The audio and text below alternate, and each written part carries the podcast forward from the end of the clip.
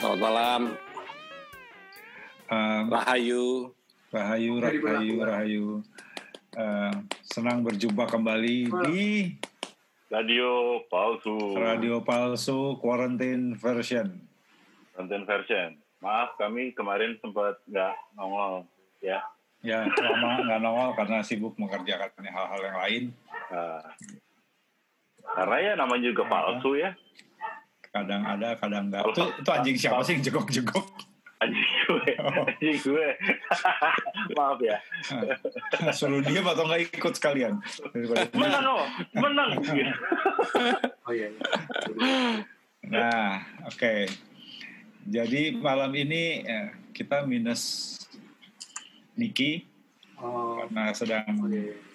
Oh, kalau Mungkin dia berarti sedang bertugas. Ini si Yogi diem. Eh, suara gue jelas nggak sih, Dang? Oh, iya, iya. Bagus. Oh, Suara lu bagus. Makanya dulu Iya, gue tahu, makanya gue. Bagus. Iya, iya, Nah, gue terganggu obrolannya Yogi sebenarnya. Soalnya dia ngomongin budget. Makasih ya. Iya. Yok, matiin dulu nggak? Ngapa Yok ma- mikrofon lu? Oh udah. kembali. Nah,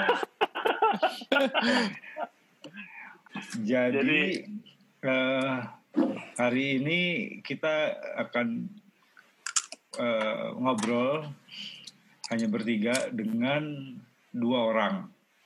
Yang satu Hmm. adalah Gimana tuh ngobrol bertiga dengan dua orang? bertiga doang maksud gua gitu, karena Ya, minus sama Niki. Heeh. Eh, dengan dua orang tamu. Nah, gue Dengan lagi nggak dua- nggak nggak ini banget nih masih distracted gitu. Dua orang tamu kita hari ini malam ini adalah Mbak Mayang Rahayu, Rahayu, Rahayu, Rahayu Ayo. dengan Mas Bro Sigit Rutni Lingga. Rahayu, rahayu, rahayu. Rahayu, Rahayu. Merdeka. Merdeka. Ah, nanti bisa eh, masing-masing bisa menceritakan apa dan siapa gitu lagi ngapain aja. Eh, secara singkat nanti mungkin Dani bisa nambahin palsu versi karantina ini sebetulnya dimulai ketika eh, eh, kami berempat mulai eh, kehilangan ini kehilangan eh, kewarasan gitu karena berada dalam apa di klekep di rumah terus gitu dan mulai mencari-cari alasan untuk berbuat sesuatu. Ngapain ya gitu lalu muncullah gitu. Eh kan kita dulu sebetulnya punya radio palsu kenapa nggak dihidupin aja lagi? Iya gimana caranya? Tapi kan ini ada zoom ya jadilah zoom. Dipakai di platform ini buat wawa dan jadilah ini. Eh, pada dasarnya eh, podcast ini ingin mengajak orang untuk membicarakan segala hal yang terkait dengan proses peralihan apa ya dan? Hah? proses eh, perubahan. Karena kami Iya. yakin betul bahwa eh, sedikit banyak ah, Ya, sedikit banyak pagebluk ini mengubah mengubah kita lah ya baik mengubah secara kita secara pribadi sek- ya. secara pribadi secara eh, eh, keluarga gitu terus juga komunitas gitu. Ya dan Eh, dalam secara tataran lebih besar mungkin masyarakat ya modern ini gitu kan masyarakat dunia gitulah. Nah, nggak hanya nggak hanya perilaku tapi juga cara berpikir kali ya terhadap ap- apa pun gitu kan sebenarnya gitu kan. Nah yang yang eh, kemudian selalu jadi pertanyaan berubahnya ke arah mana sih gitu kan? Berubahnya jadi apa sih gitu kan? Nah, yang tadinya seperti apa jadi seperti apa gitu. Kayak sekarang begitu apa misalnya katakanlah udah mulai dibuka nih. Tadi kan eh, sempat sebelum sebelum di record ini kan kita ngobrol nih Maya soal apa namanya soal apa eh, kebiasaan-kebiasaan gitu. Oh kalau di Bandung begini gitu kan. Terus terus di oh kalau di eh, Tangsel begini gitu. Artinya eh, ada yang berubah ada yang tidak gitu kan gitu. Ada yang ada yang benar-benar pengen jadi new gitu new normal. Ada yang ya, ya uh, ala-ala aja gitu kan.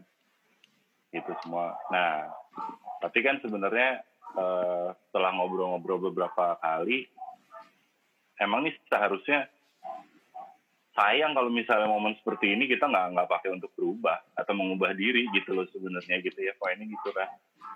Baik mengubah syukur-syukur cara berpikir tapi minimal mengubah menjadi lebih baik lah gitu ya gitu kan. Apa pun gitu ya itu aja sih sebenarnya gitu. Nah di edisi karantina ini eh, yang mau dibahas sebenarnya soal itu gitu. Dan kebetulan sekarang kan kita eh, tadi isunya adalah soal pangan nih ketahanan pangan gitu kan. Nah itu yang yang coba kita gali lah gitu. Nah itu kali juga ya? Ya. Gitu. Monggo pak juga. Ya ya udah mulai sebetulnya ya lu aja.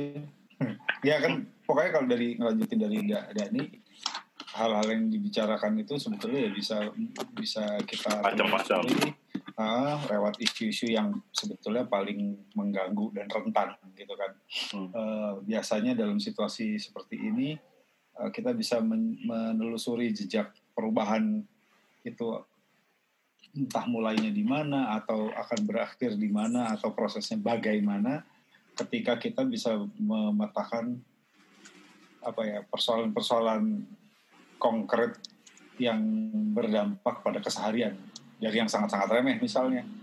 Isu-isu yang sangat sederhana. Contoh ketika kok ini contoh bang sederhana banget tapi bukan di Indonesia. Uh, ketika COVID hmm, mulai mewabah dan kemudian eh, beberapa negara menerapkan lockdown Amerika itu isunya malah loh kok bocah hilang? Ada ada ada. Oh ada.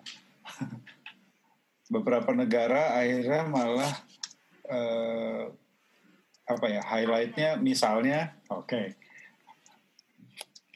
Amerika misalnya. Riba, uh, rakyat gitu. Ya memang nggak di mana-mana tapi kan sempat terhighlight gitu bahwa ada yang ribut gara-gara uh, tisu WC hmm. gitu kan. Artinya kan ada persoalan di situ gitu.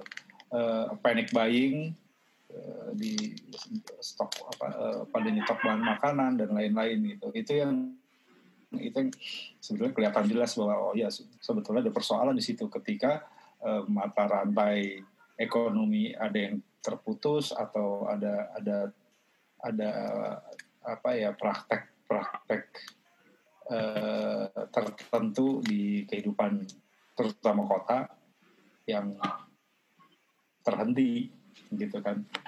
Sesimpel itu hmm. sih gitu. Itu contoh. Nah kemudian kita berusaha me mengkontekstualisasi itu ke ini Indonesia situasi ini Indonesia gimana ya gitu. Dalam uh, perbincangan uh, dalam perspektif yang itu maka di pertemuan yang hari ini kita pengen ngobrol tentang ketahanan pangan. Ya. sebagai orang kota gitu. hmm gitu hmm. kan. Karena eh, yang nggak bisa dipungkiri bayangan jadi bayangan yang apokaliptik itu kan terus muncul gitu dengan kuat kan dalam situasi kayak gini. Terus kalau misalnya begini-begini bagaimana gitu? Ya salah satu yang muncul yaitu kerisauan yang sangat kuat tentang ketahanan pangan kan. Iya kalau di lockdown ini terus uh, kita gimana ya? Nah gitulah. Hmm. nah kaitannya dengan Mayang tentu saja karena ya nanti lu bisa cerita lah. Lu bisa ini sendiri kan membingkai sendiri lu ada di mana di, di semesta pembicaraan ini gitu. begitu pula Sigit kalau Sigit mungkin dia punya informasi yang cukup lengkap gitu. Bagaimana misalnya uh, founding fathers kita sudah sebetulnya sudah menempatkan persoalan hal persoalan-persoalan macam ini eh, dengan tepat atau belum gitu. Hmm, hmm, hmm.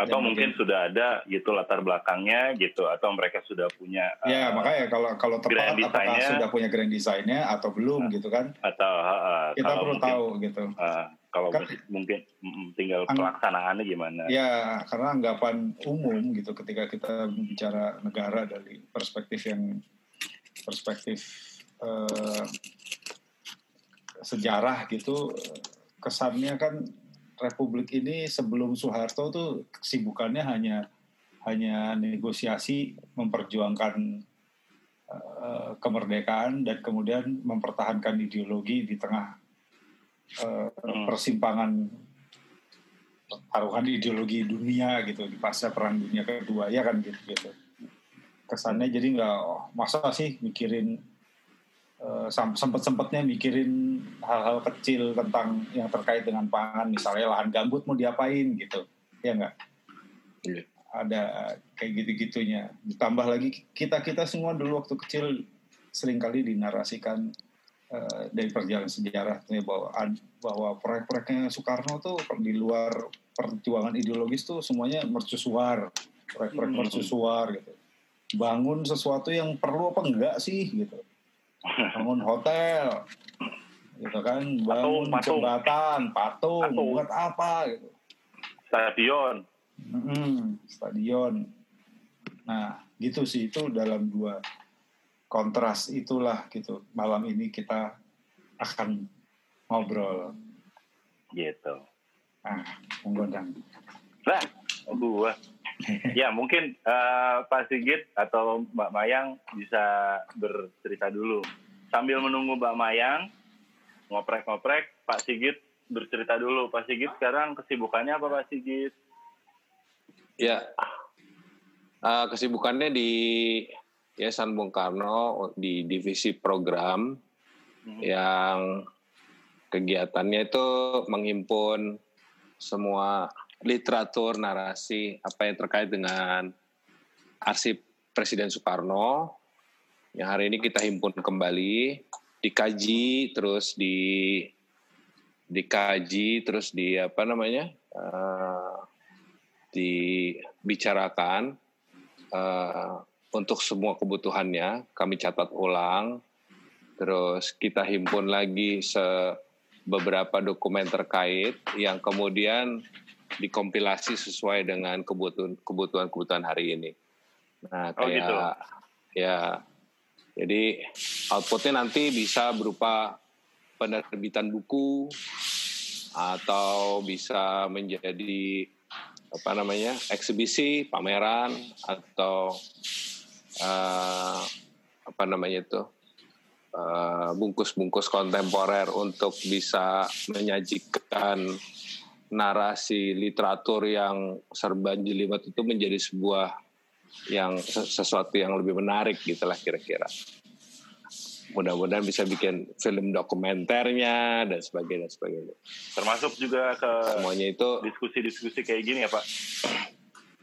Oh, diskusi-diskusi ini adalah eh, sarana untuk melengkapi pusat studi dan kajian dari Litbang Yayasan Bung Karno. Nah, itu di Litbang itu ada orang-orang yang berkompeten di bidang politik, sosial, ekonomi, kebudayaan, Hmm. pertahanan, keamanan. Nah, Hmm. termasuk juga ini di dalamnya ada ketah- ketahanan pangan yang masuk dalam sub itu adalah subnya kebudayaan, agrikultur, ya. Dan belum banyak yang meneliti. Karena ini ngomong sama ngobrol sama Mbak Mayang, mungkin saya pengen dengar banyak nih. Karena sebetulnya mau jujur, yang kami kuasai itu sekarang ini baru sosial politik atau kebudayaan dalam tataran seni rupa, seni musik, seni pertunjukan eh, yang yang tercatat dan tersimpan dalam arsip-arsip kami gitu. Hmm. Dan Tapi sebenarnya- ini- Kalau di kalau digali gitu ya, Iya. kalau digali gitu sebenarnya ada ya eh, naskah-naskah atau aduh banyak banget. pemikiran-pemikiran ya nggak hanya eh, Bung Karno aja tapi kan juga di situ kan kalau nggak salah markasnya YBK ini di Gedung Pola tempat Iya. bersidangnya para founding fathers zaman dulu bukan Iya. gitu ya Ya artinya ar- arsitek arsitek eh, blueprint Bangsa. Ah, Iya. ah, dari dari Hmm. dari bangsa ini kan ada di situ berarti kan sebenarnya pemikiran-pemikiran itu ada ya gitu loh. Ada, ada dan pernah terjadi itu ya D- dari apa namanya? Itu sebetulnya dimulai di tahun 61 ketika di eh, di dibangunnya gedung Pola di tanah eh, sebetulnya gedung itu berada di belakang rumah proklamasi. Hmm. Jadi masih areal tanah eh, rumah Pegangsaan Timur 56 kalau kalau kalau teman-teman masih ingat Pegangsaan Timur 56 tempat kita memproklamirkan kemerdekaan bangsa Indonesia di sebuah rumah. Nah, di halaman belakang dari rumah itu kemudian hari ini adalah gedu- sebuah gedung yang bernama Gedung Pola. Eh, excuse me banget nih, ada anak datang sebentar aja ya, sebentar ya, buka pintu. Ya, perkenalan juga ya akhirnya. Eh, tadi masih dari buka mandiri. Oke, saya eh, Mae. Eh, saya eh, punya apa, background di eh, bidang teknik lingkungan dan aku juga peneliti eh, bidang lingkungan ya. Walaupun akhirnya juga senang ke mana-mana gitu, senang senang banget sama motivasi gitu sebenarnya. Gitu. Eh, dan eh, juga saya juga eh, terkait dalam bidang sebenarnya persampahan ya. Tadi dari tahun 61 sebenarnya rencana-rencana uh, father kita tuh udah udah ter, terpetakan gitu ya Mas Sigit ya. Eh, sepertinya di tahun 52, Mbak. 52 ya. 61 itu adalah ya 52 dengan dibangun di didirikannya Institut Pertanian Bogor. Oke, ini uh, nyambung sedikit sama persampahan ya, karena saya basicnya di persampahan. Uh, sebenarnya tahun 61 Soekarno itu sudah merancang satu undang-undang persampahan yang pertama. Oke. Itu di tahun 61 gitu. Jadi bagaimana uh, sistem pembuangan sampah itu, cuman emang nggak sampai dipilah-pilah enggak. Cuman zaman itu kan belum ada belum ada tren yang namanya plastik ya. Hanya Hmm. uh, uh, hanya logam-logam baja dan segala macam itu sebenarnya uh, kayak template-nya itu udah ada di tahun 61 cuman uh, si template-nya ini dirubah-rubah lagi itu kira-kira tahun um, 73 apa 74 gitu ya. Hmm. Nanti saya baca lagi, tapi uh, yang tadi menarik adalah ketahanan pangan juga ya Mas Ikit ya. Gitu, um, ketahanan pangan ini sangat nyambung dengan uh, ujung-ujungnya sih kayak konflik agraria juga ya, tapi nggak konflik Iya. dulu. Uh, Betul. bukan bukan ke Betul. konflik agraria dulu hanya kayak ketahanan pangan ini sangat-sangat nyambung lagi dengan kelestarian lingkungan juga. Dan eh, satu lagi adalah bagaimana penempatan komoditi. Eh, which means kayak penempatan komoditi saya pernah ikut eh, satu forum dengan Yayasan Sehati.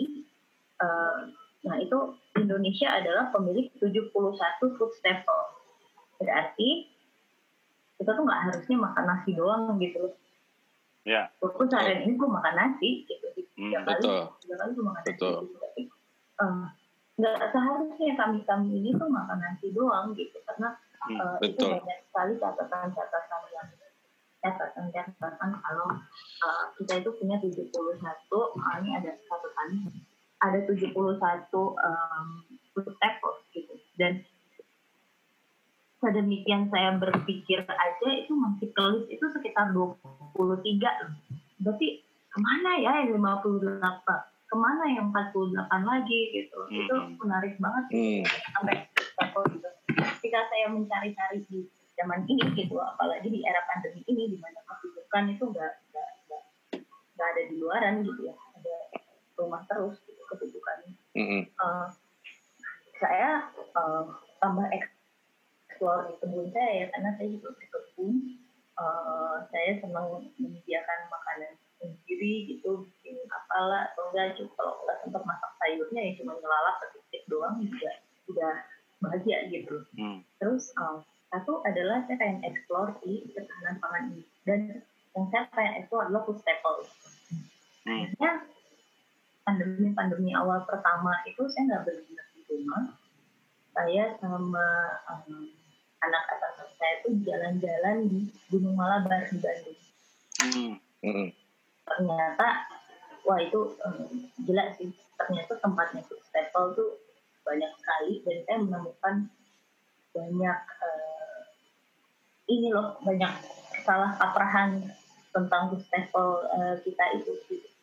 Jadi um, apa ya di kita kan memang udah terbiasa makan nasi gitu kan kemudian yang ironisnya sekarang sekarang ini uh, dijual karena banyak makan nasi diabetes meningkat kemudian banyak dijual-jual uh, tanaman langka lah istilahnya yang uh, bisa menyembuhkan atau mengurangi kadar gula dan segala macam tapi itu ironisnya adalah ketika saya ngobrol sama uh, papa saya gitu ya di generasi generasi ayah saya yang lahir 50-an gitu ya. Itu mah itu mah ganyong kali. Gitu itu nggak langka ya? Ah, ah, itu mah ganyong kali. Itu mah apalagi ya pokoknya waktu saya ngomong yang namanya arrowroot tuh itu nah, uh, arrowroot itu pati garut. Begitu kemudian juga ada yang suka orang dipakai di so itu namanya konyaku itu tuh konyaku tuh ilas-ilas namanya. Gitu. Hmm. Berarti itu bukan tanaman langka, ini sebenarnya itu ada dan langsung saya tuh nggak kerasa kayak generasi aku yang sekarang menjalani diet dietan ini karena sudah parno oh, kok umur segini kayaknya udah banyak sakit yang itu gitu.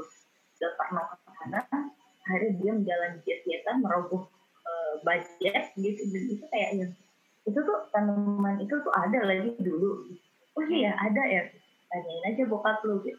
Dan ketika temen saya nanya iseng gitu ke ayahnya bener dong itu ada hmm.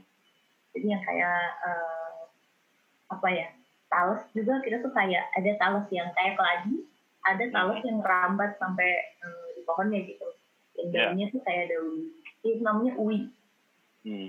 oh, ada, itu aja bisa dimakan ya itu bisa dimakan uh, jadi kayak ketika saya ber, berjalan-jalan yeah. ke rumah labar sih belum sih belum belum WFH waktu itu hmm. terus kemudian masih hari Sabtu pas Jumatnya kemudian saya ke sana ternyata uh, talas kita punya talas berbagai jenis ada talas Bogor ada talas Bentul ada talas yang warnanya ungu ada juga talas yang merambat ke atas gitu hmm. ada itu kok luar biasa banget ya jadi nggak cuma singkong biji uh, kentang dan uh, nasi dengan berbagai macam warna itu gitu karena negara tetangga kita sendiri pun gitu ya Malaysia gitu dia kaget kok uh, warna nasi Indonesia itu macam-macam gitu bisa ada beras hitam bisa ada beras merah hmm. itu hmm. iya betul mereka kaget gitu emang ada ya beras hmm. warna hitam itu uh, ketan kali gitu bukan bukan ini beras bilang beras gitu. jadi ketika hmm. dia ke Bandung makan di salah satu makan juga dan uh, itu ada inilah ada cerita gitu orang di sana tuh orang di daerah Punclut itu di Bandung di atas itu rata-rata dulu makannya beras hitam bukan beras putih. Hmm. Nah di tahun lagi-lagi di tahun 70 awal itu dipaksakan menanam beras putih untuk setor ke bulog gitu. Hmm. Ya kan itu uh, jadi penyebaran diabetes tuh asalnya dari situ. Sebenarnya nasi putih tuh umur diabetes yang gila gitu ya, apalagi sekarang memasaknya dengan uh, gitu kan. Itu itu makin makin gila aja gitu sebenarnya di sana. Jadi uh, itulah yang akhirnya merubah tatanan tatanan ketahanan pangan kita. Hmm. Next juga di ketahanan pangan selama masa pandemi ini. Nah, bagi uh, bagi saya, saya senang banget gitu ya di masa pandemi ini orang kok banyak yang berkebun tuh jadi seksi gitu. Ya, wah asik nih, passionate banget sih. Orang langsung nanya, beli bibit di mana, beli benih di mana, gitu. Orang tuh uh, akhirnya jadi benar-benar buat berkebun di masa pandemi ini selain karena gabut gitu ya selain karena uh, jenuh suntuk juga itu kayak mereka juga jadi foraging terforaging kayak aku harus memanfaatkan lahan yang sempit ini tuh bagaimana gitu supaya menghasilkan itu. Menurut aku tuh sangat sangat menarik gitu ya. Tapi sayangnya uh, yang belum tercerahkan di sini adalah mereka masih menanam tanaman-tanaman komoditas. Karena kalau kita ke pasar dengan yeah. semaraknya sayur-sayur kita dengan uh, apa semaraknya rempah-rempah Indonesia itu tetap itu adalah komoditi sebenarnya yang di, disamaratakan dengan satu sistem yang bernama monokultur itu hmm. sebenarnya sangat uh, kalau yang aku pelajari gitu ya mungkin masih bisa uh, koreksi aku gitu itu yang aku pelajari itu sangat bertentangan dengan uh, prinsip-prinsipnya Soekarno. Hmm. Itu monokultur ini sangat tidak hmm. nggak banget lah buat buat beliau gitu. Jadi menurut aku hmm. Ya kerjaan siapa hmm. ini pasti kita udah tahu gitu Jadi kita kalau misalnya di pasar kita cuma melihat kayak wortel, kayak terong, kayak jagung pokoknya yang yang umum-umum ada di kita padahal sebenarnya kita punya banyak banget lebih dari sekedar uh, wortel, terong, buncis, kangkung yang seperti itu gitu. Dan yang bisa dijadikan makanan ya. Uh, mm-hmm. kan yang bentuknya kayak uh, ganja aja itu banyak banget loh. Kayak daun apa, daun gedi, daun saya, daun segala macam ya, itu yang kata daun pepaya Jepang itu loh mas juga yang kayak daun singkong atau daun pepaya itu. Tapi dia nggak pahit. Ya gue nanam di rumah pepaya uh, Jepang. Itu tuh bagus banget gitu. Enak di sayur enak-enak banget itu. Dan itu bagus banget. Dan dimakan tiap hari pun nggak masalah sih karena itu tanaman yang tumbuh tahunan nah, uh, saya pernah baca buku di Marhaen itu ada satu konsep kalau uh, Pak uh, Bung Karno itu sangat uh, lebih me, me, me, memprioritaskan tanaman-tanaman lokal di daerah-daerah masing-masing dan tahunan gitu. Yang yang apa yang tumbuh sepanjang tahun gitu.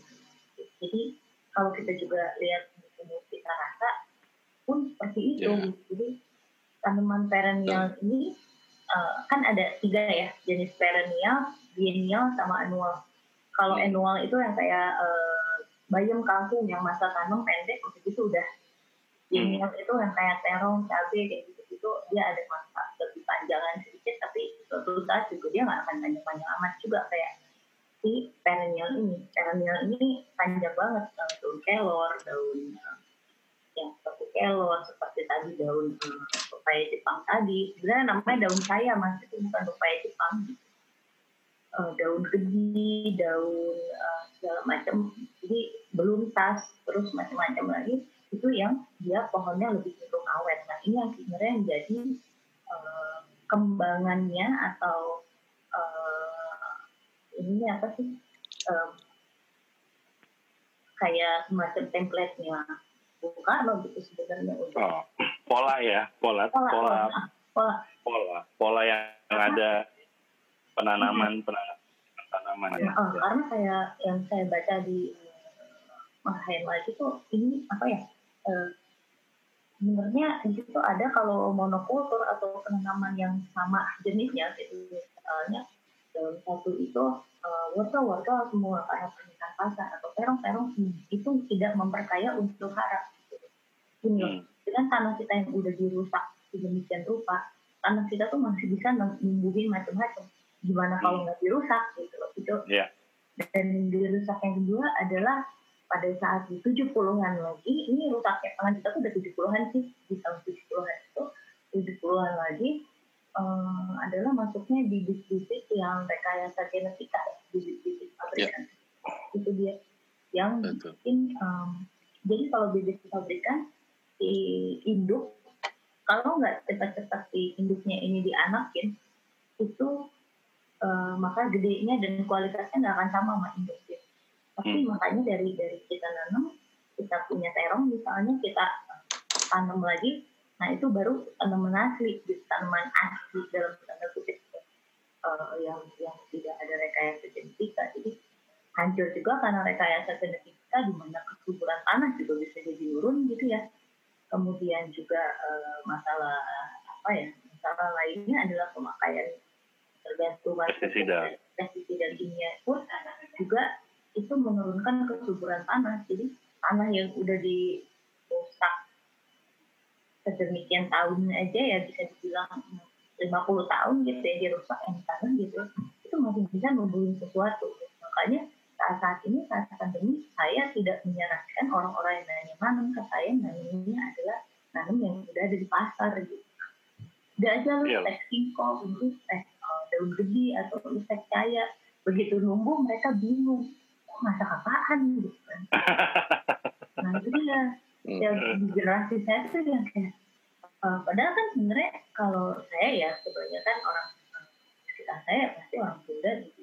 Orang Sunda zaman dulu uh, yang kayak waktu petualangan di Malabar itu semuanya dimakan gitu sampai Ya. uh, labu siem pohonnya itu semua tuh bisa dimakan termasuk bunga-bunganya tuh sama si namanya Abah Ipit ya itu umurnya 87 ya umurnya 87 tahun tinggal di gunung kaki gunung Malabar sana dia tuh ya gitu. Itu tuh daun cabe bisa dimakan daun segala macam tuh bisa dimakan. Tapi generasi orang Sunda di zaman aku tuh yang kayak Mek ini tuh pohon pada tumbuh. Diapain masaknya diapain gitu. Terus akhirnya kita jadi kehilangan apa ya? Kehilangan pengetahuan dapur bagaimana cara mengolah tanaman-tanaman yang sebenarnya superfood itu mas gitu sih Hmm. Ya, ya, ya, ya. gitu Mm. Ya, ya, ya. Itu Iya, yang hilang ya. Mas Sigit itu itu hilang gitu jadi kayak Hmm. eh, karena terlalu banyak komoditi dan komoditi juga gitu makin pendek umur tanamannya makin dia itu mengeluarkan anti nutrisi gitu Ya. jadi kayak misalnya gitu, kan ada kita suka gitu kayak bayam kangkung tuh bikin asam urat gitu, Hmm. gitu. tapi sebenarnya nggak nggak gitu gitu itu karena eh, saya pernah ngomong sama nutrisionis waktu IG live aku beberapa hari yang lalu itu dia bilang kalau kita makan sesuatu yang sama terus menerus itu bakalan jadi anti nutrisi ke kita gitu. dia Iya. bukan yang ngasih manfaat baik malah jadi manfaat buruk beda halnya dengan kalau saya tanaman yang panjang umurnya itu seperti daun kelor seperti uh, Jepang dan whatever daun saya dan segala macam itu beluntas itu kalau dimakan terus nggak masalah makan bisa jadi obat karena dia numbuhnya sepanjang tahun kalau yang Hmm. ini cuma ditumbuhin musiman harusnya kita makan itu juga musiman gitu loh jadi Hmm.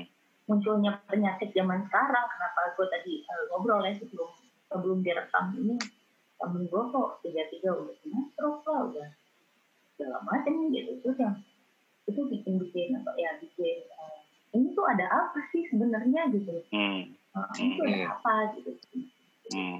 di balik ini tuh ada apa kok kok uh, seperti ini gitu ya selain selain dari gaya hidup ya dengan dia lebih banyak makan di luar segala macam gitu tapi ada yang lebih detail dari itu adalah satu kehilangan beberapa penyehatnya kita loh sebenarnya Iya. Seperti kayak jahe merah gitu jahe merah. Kemarin tuh jahe merah sempat mahal kalau di tempat tinggal aku tuh di Cimahi Utara itu eh, ya Cimahi udah yang mau naik ke atas ke Parokong itu jahe merah tinggal gampang tinggal di udek-udek aja di sana tuh pasti ada. Jadi ketika Ya. jahe merah mahal kami bukan menjualnya kami ketawa-ketawa dan pakai itu di dapur gitu. Ya ya itu sih seperti Hmm. seperti itu dan seharusnya kita itu pasti itu gitu nggak ada permainan harga lah karena ini bagus seharusnya kita sudah punya aja gitu di halaman Ya. itu sih Kalaupun nggak ada bisa minta tetangga gitu ya. itu itu namanya berkomunitas mas jadi misalnya kayak kita bisa numbuhin A B C D E terus Ya. tetangga A E F G H I gitu terus Hmm. kemudian eh, mereka barter gitu kan Nah, Ya. itu yang sebenarnya itu sih Hmm. eh, namanya sustainability dalam pangan itu salah satunya ekonomi jalannya roda ekonomi itu dan sebenarnya Ya.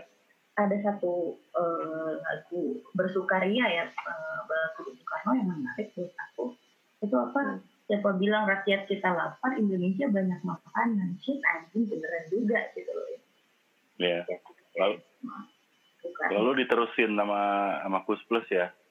Ah. Yang lempar lempar apa gitu bisa tumbuh aja gitu kan. Iya, Tanahnya tanah iya. surga kan emang gitu kan. Maka, Iya, Oke. harus seharusnya di Jakarta pun masih ada masih ada tanah surga karena ketika aku baca juga yang namanya sejarahnya sawah besar yaitu sawah Iya, Hmm. mangga besar ya itu mangga semua. mangga eh, eh, kemang itu sebenarnya tumbuh kemang tapi sekarang aku tanya siapa yang punya bibit kemang di kemang kayaknya nggak mungkin itu pohon Kemang tuh kemangi bukan sih?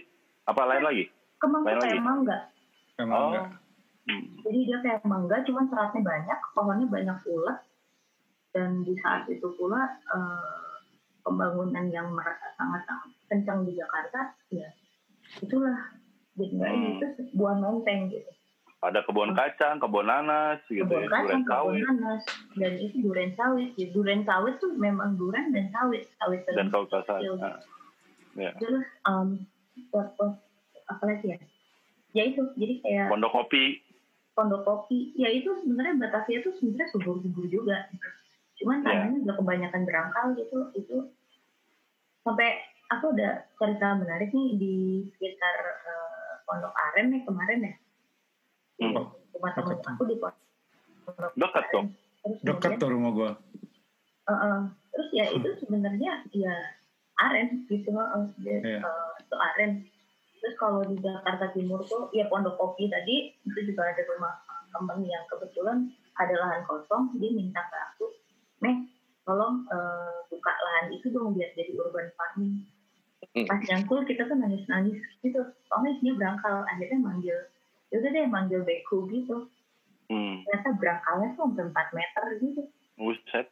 Oh, oh yeah. akhirnya tanah yang di bawah 4 meter itu diolah yang udah gak ada berangkal itu pun masih ada berangkal sedikit dikumpulin kompos dan segala macam itu baru bisa benar gitu kan jadi hmm.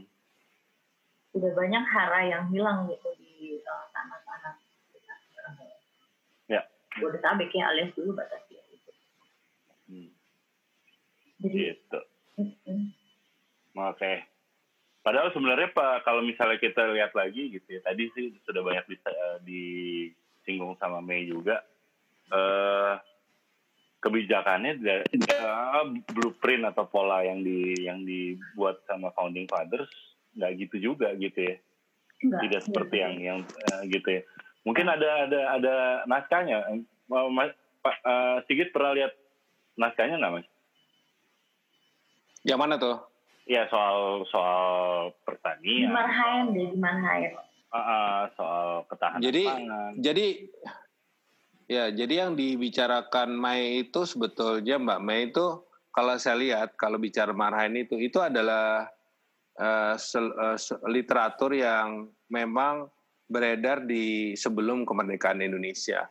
Itu Mei kalau ingat ya saya ngeras saya harus saya terus terang nih uh, ini Mbak Mei saya saya bukan saya belum meneliti mengenai uh, masalah agrikultur di Indonesia atau persoalan-persoalan mengenai apa namanya uh, uh, ketahanan pangan ekologi dalam dalam bentuk yang lebih luas ya okay. uh, itu menjadi menarik karena sekarang ini baru kita kita akan menggalakkan lagi, membentuk satu tim lagi untuk melakukan riset dan kajian di bidang itu. Karena memang ternyata eh, arsip itu sebetulnya sudah lama diperkenalkan kepada eh, eh, kita melalui eh, itu adalah inti dari perjuangan kita di awal-awal kemerdekaan sebetulnya. Hmm. Kalau ingat dulu ada pledoi Bung Karno yang namanya Indonesia Menggugat, ya. yang ya. tebalnya kalau nggak salah sekitar 600-800 halaman itu ya. ya. Kalau boleh kalau Mbak Mei bisa dapat lagi itu kita baca lagi ya di dalamnya itu itu semuanya dicatat Bung Karno adalah persoalan-persoalan tanah. Iya iya. Uh. Persoalan pemilikan tanah, persoalan eksploitasi tanah, eksploitasi pertanian. Belanda yang nyewa tanah, petani kita miskin. Persoalannya gimana? Harga karet dibeli dari petani cuma sekian, dijual sama Belanda di negeri Belanda di Eropa sekian. Nah kayak gitu-gitu kan ya. Nah, kemudian saya juga merasa kayaknya ada cerita mengenai bagaimana sebetulnya per, perkebunan yang dipaksakan Belanda itu pada waktu itu yang mereka namakan itu weekend stelsel ya. Mbak Mei, hmm. pernah dengar nggak nama itu? Weekend yeah. stelsel itu adalah tanam paksa. Ya, weekend stelsel itu. Jadi kalau kita bicara mungkin ya, mohon koreksi orang apa teman-teman yang di bidang pertanian ekologi uh, kehancuran apa uh, tanah kita itu unsur hara dan sebagainya itu itu di di di diawali dengan program weekend style nya Belanda saya rasa ya. karena mereka kan mengharuskan para petani itu menanam satu jenis apa tanaman dalam dalam dalam areal yang masif dengan cara politik apa pun mereka menguasai tanah-tanah eh, rakyat itu sekena mereka sesuka mereka ngasih sewa juga sesuka-sukanya mereka Pokoknya aut-autan deh semuanya deh. Dan itu masif sekali. Nah, kayaknya itu juga dijelaskan mungkin di dalam pledoi Indonesia menggugat itu ya, bagaimana hancur ya tanah-tanah rakyat dan Ya, itu- juga nasib petani kita yang nggak jelas disuruh kerja keras tapi nggak dapat apa-apa gitu ya, kira-kira ya. Hmm. Itu Nah, eh, kemudi- Indonesia menggugat itu ada di gedung Indonesia menggugat yang di Bandung. Betul. Iya, di Landrat. Ya. Nah, kita kita bicara pledoinya. Pledoinya itu dalam itu, itu transkripsi trans, transkripsi atas eh, eh, pembacaan yang dibacakan oleh Bung Karno di depan sidang Landrat itu. Itu itu lengkap detail banget itu. Semua semua hal-hal yang di diungkapkan kepada pengadilan untuk apa namanya membela tuduhan-tuduhan Belanda atas para eh, aktivis eh, in- apa namanya pergerakan pada waktu itu yang tersebut nama seperti Bung Karno dan kawan-kawannya Mas Kun Supradia Supriyadinata, ada Gatot Mangkupraja dan sebagainya dan sebagainya. Dan mereka itu adalah wakil-wakil dari para petani-petani di Parahyangan sebetulnya. Iya. Eh, seperti kita ketahui Pak Ma- Mas Kun Supra, Supriyadinata dan Gatot Mangkupraja itu adalah menak-menak yang yang mempunyai tanah-tanah eh, perkebunan rakyat ya, gitu kira-kira ya, yang dirampas oleh Belanda. Eh, ya kalau mau me- me- menilik mengenai persoalan-persoalan tanah kita itu sudah dikemukakan jauh-jauh hari sebelum Indonesia merdeka. Di tahun 20 eh, Indonesia menggugat itu di tahun 30 30 sorry 30 sorry ya? maaf 30 1930 sampai 1942 itu masa pembuangan Bung Karno. Itu kira-kira. Nah yang saya baru pernah ya secara apa ya karena arsip itu begi- begitu banyaknya di kami itu baru dipilah-pilah sekedar baca lewat aja sih yang saya ingat itu ya itu tercatat di eh, pledoi Indonesia menggugat Mhm. lalu ada di eh, tulisan-tulisan Bung Karno di dalam eh, majalahnya yang bernama Pikiran Rakyat di mana persoalan-persoalan petani pada waktu itu dikemukakan secara gamblang dalam surat-surat redaksinya. Eh, terus juga selain pikiran rakyat itu ada lagi beberapa tulisan-tulisan yang di luar eh, apa namanya eh, buk- eh, majalah pikiran rakyat. Ada di pidato-pidato juga. Lalu dalam pen- pendirian partai PNI tahun 27 tuh itu juga ada studi klub yang mengkhususkan juga bicara mengenai eh, petani. Oh oke, berarti berarti gini ya, Git. apa namanya? eh, sebenarnya kalau kita ngelihat secara lebih utuh si uh, pledoi Indonesia menggugat ini, itu nggak melulu bicara tentang eh, eksploitasi manusia gitu kan? Ya itu yang selalu selalu di, diomongin kan? itu Betul. eksploit- eksploitasi manusia yang bernama petani Iya, Petani maksud Indonesia, bukan, maksudnya ah. tidak tidak melulu bicara tentang itu, tapi juga dia sebenarnya sudah meletakkan dasar bahwa pola eksploitasi alam gitu kan? yes udah ada di situ pola eksploitasi alam seperti Heeh. yang dilakukan oleh Belanda itu akan Iya. menghasilkan sesuatu yang Hmm. buruk dan itu sebenarnya Iya. di, di, ditentang Hmm. terus gitu kan Iya, ditentang itu dia. dengan dengan dengan marhainisme dengan dengan Betul. hal-hal gitu Betul. kan ya gitu kan dan Betul. dan kira-kira dengan konsep begitu bahasa. makanya sebenarnya kalau tadi ngelihat dari ceritanya Mei juga kan itu udah ada gitu loh eh, sudah konsepsi- dimulai konsepsi ah, sudah konsepsi- dimulai konsepsi bukan sudah ada Ah. Pertanian ini sudah sudah sudah dimulai pada tahun-tahun itu gitu kan Iya. Oke. D- Ya, Dan itu ya, menjadi ya, ya. menjadi awal dari pergerakan kita sebetulnya. Jadi Iya. eh, dari Hmm. pertanian ada yang namanya land reform. Teman-teman juga pernah pasti tahu Hmm. perjuangan Hmm. atas hak rakyat itu. Karena kan eh, status tanah waktu eh, VOC dan pemerintah kolonial itu kan meng- meng- me- menghancurkan Iya. semua tatanan su- ini tanah kan ya gitu juga. Itu Iya, itu iya. adalah apa ya saya bilang dari semua eh, eh, tujuan kemerdekaan kita itu ternyata basicnya adalah tanah. Ya kita memperjuangkan tanah, Iya, iya. tanah Makanya, sebagai tapi- geopolitik dan ininya. Heeh. Tapi sebenarnya yang yang selalu di yang masih eh, cenderung di highlight itu adalah eh, perannya eh, posisinya manusianya, maksudnya petani dalam hal ini gitu. Hmm. Tapi posisi tanah walaupun dikasih tempat juga tidak pernah di di highlight gitu loh ke, ke permukaan, tidak dijadikan sebuah Enggak. bahan pemikiran gitu kan bahwa Enggak, ini kan ya kayak Enggak. lo tadi gue sih ngeliatnya kayak kayak lo tadi cerita gitu ya sebenarnya udah mikir juga ya di zaman Belanda tuh udah sebenarnya monokultur Udah. habis-habisan gitu kan. Iya. Dan harusnya Iya, udah rusak iya. gitu kan. I- Makanya itu yang Iya, gue jadi baru inget gak Mbak Mei ngomong tuh. Betul, Nah, betul banget. gitu. Sebenarnya gini loh, Betul banget tuh. sebenarnya kita tuh kesuburan lain banyak ditolong sama sama vulkanis sih sebenarnya. Kan di tahun-tahun uh, Krakatau meletus aja tuh kan ya, itu Iya. eh, monokultur kan udah edan-edanan yang namanya karet ya. Mm-mm. Oh, kemudian eh, itu namanya karet sudah gila-gilaan monokultur, kemudian hancur tuh square sama kita kantau. Kemudian mineral tanahnya tuh jadi balik lagi, bagus lagi. Terus kita tuh bener ketolong banget gitu sama yang namanya eh, vulkanis. Iya. Iya. Bahkan di Betul. daerah-daerah eh, aku nggak ngerti ya di daerah-daerah tetap tetap di daerah tanah-tanah priangan gitu ya. Mau kata orang-orang tapi sekarang udah mulai mereka balik lagi ke tanah organik ya di Bandung Selatan itu banyak karena eh, satu kapitalis ya orang yang menjual yang membuka perusahaan eh, tani organik gitu dan orang kita tetap jadi buruh tani. Yang kedua memang mereka bagusnya adalah mereka itu udah kelimpungan sama harga pupuk dan itu apa pupuk dan eh, pestisida segala macam Iya. jadi mereka balik lagi gitu. Hmm. tapi Dan kayaknya pestisida pupuk masuk juga pada weekend stelsel tuh. Karena di Iya, situ emang. ada eksploitasi tanah kan. Ya kan itu mulai diperkenalkan dengan nama urea atau apa itu. Kemudian Urea, ada NPK. pabrik pupuk. Ya, eh, di situ ya kalau nggak Oh, salah ya. pupuk eh, pupuk eh, pupuk kujang itu eh, pupuk Hmm, kujang iya. di Jawa Barat gitu. Iya. Yang bangun Belanda tuh ya.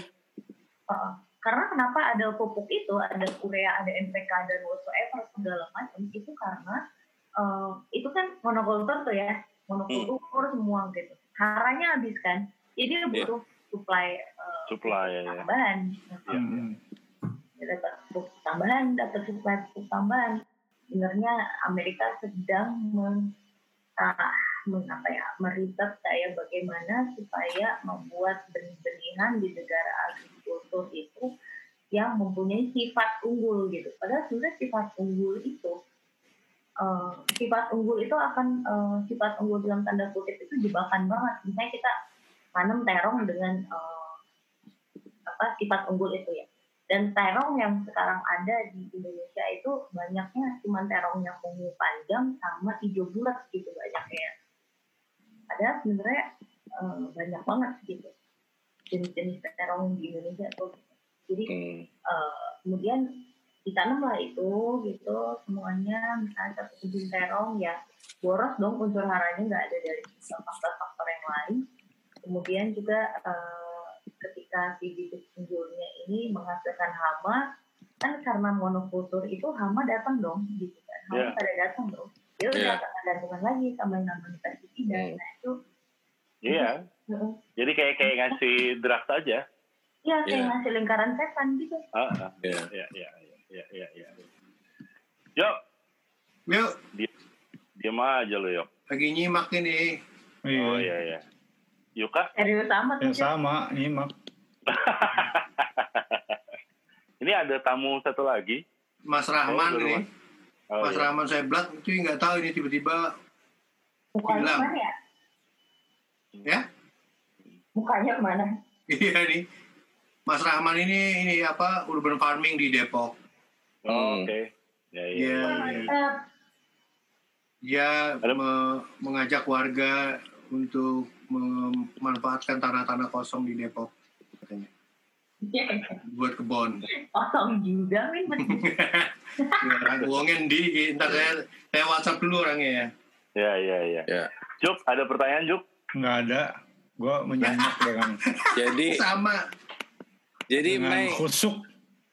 Mei ya itu aku sebelum lupa aku mau mau nyambungin lagi terus sambil nunggu Mas itu ya. Sebelum aku lupa nih. Jadi itu kan eh, periode itu terjadi, lalu terjadilah eh, apa eh, kemerdekaan kita, ada Uh-uh. status quo. Lalu 45 50 terjadi revolusi kemerdekaan, kita nggak bisa buat apa-apa, nggak ada pembangunan, nggak ada apa, cuma bertahan hidup. Nah, 52 itu dibangunlah IPB, ya. iya Jadi kalau aku bilang itu Bung Karno itu pada waktu itu masih membaca literatur yang dikeluarkan oleh Belanda mengenai agrikultur pastinya. Dan itu ada, ada masih ada apa namanya dispute di situ. Dan karena itulah IPB adalah salah satu universitas yang didirikan lebih awal daripada yang lain-lain. Artinya untuk masalah pertanian dan di situ dia jelas banget ya kalau misalnya mungkin pernah baca juga atau nanti kita baca lagi sama-sama. Itu dia sangat concern sama masalah uh, pertanian da, uh, apa uh, dalam rangka ketahanan pangan Indonesia. Lalu dia juga concern untuk bagaimana mem memaksimalkan tanpa menghancurkan. Ah, Nah, iya, iya. di situlah tadi. Nah, tadi makanya Mas Dani ngomong sama Mas Yuka, ada beberapa hal yang Bung Karno bilang kita dirikan in- institut ini supaya orang-orang tambah pintar. Apa yang harus kita lakukan atas tanah-tanah kita, mau tanah apa kayak mau tanah apa, kita harus lakukan. Tapi kita pastikan itu tidak merusak. Nah, ada satu satu apa statement dia mengenai lahan gambut apakah ditanami padi atau tidak. Nah, itu mesti dikaji dulu tuh karena itu adalah sesuatu yang kita tidak ketahui. Makanya didirikan IPB gitu loh. Mm-mm. PB itu tahun 52 loh. Di, di itu 52 itu masih masih awal sekali loh. Kita tuh baru kembali 50 itu kita kembali ke negara kesatuan setelah eh, setelah menang di KMB. Hmm. 52 kita dirikan Institut Pertanian Bogor itu awal banget itu. Jadi concern dia sebelum akhirnya kemudian kita bicara mengenai mercusuar di tahun 61, pertanian sudah menjadi titik titik yang sangat di- diperhitungkan oleh presiden dan the founding the founding fathers and mothers kita, ibu bap, ibu bapak bangsa kita. Gitu kira-kira Mei.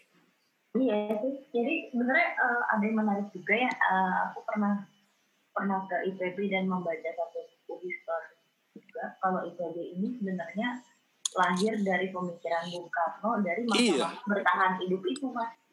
Ini juga si eh, Isaac Newton juga waktu dia menemukan teori gravitasi itu lagi wabah pes kan sebenarnya. Hmm. Hmm. Wabah pes di 1625 kalau nggak salah.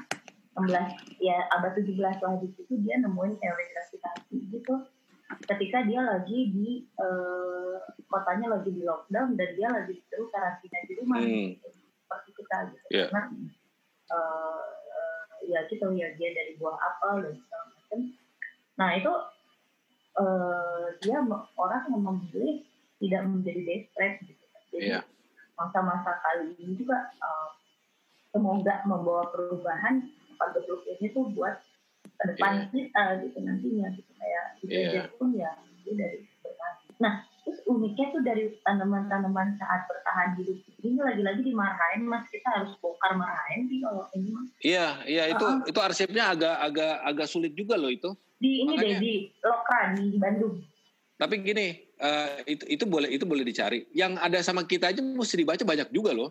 Oh, itu iya. total tuh total tuh ya eh, pikiran rakyat itu itu nggak main-main itu. Itu sekitar hampir 1.500 halaman itu.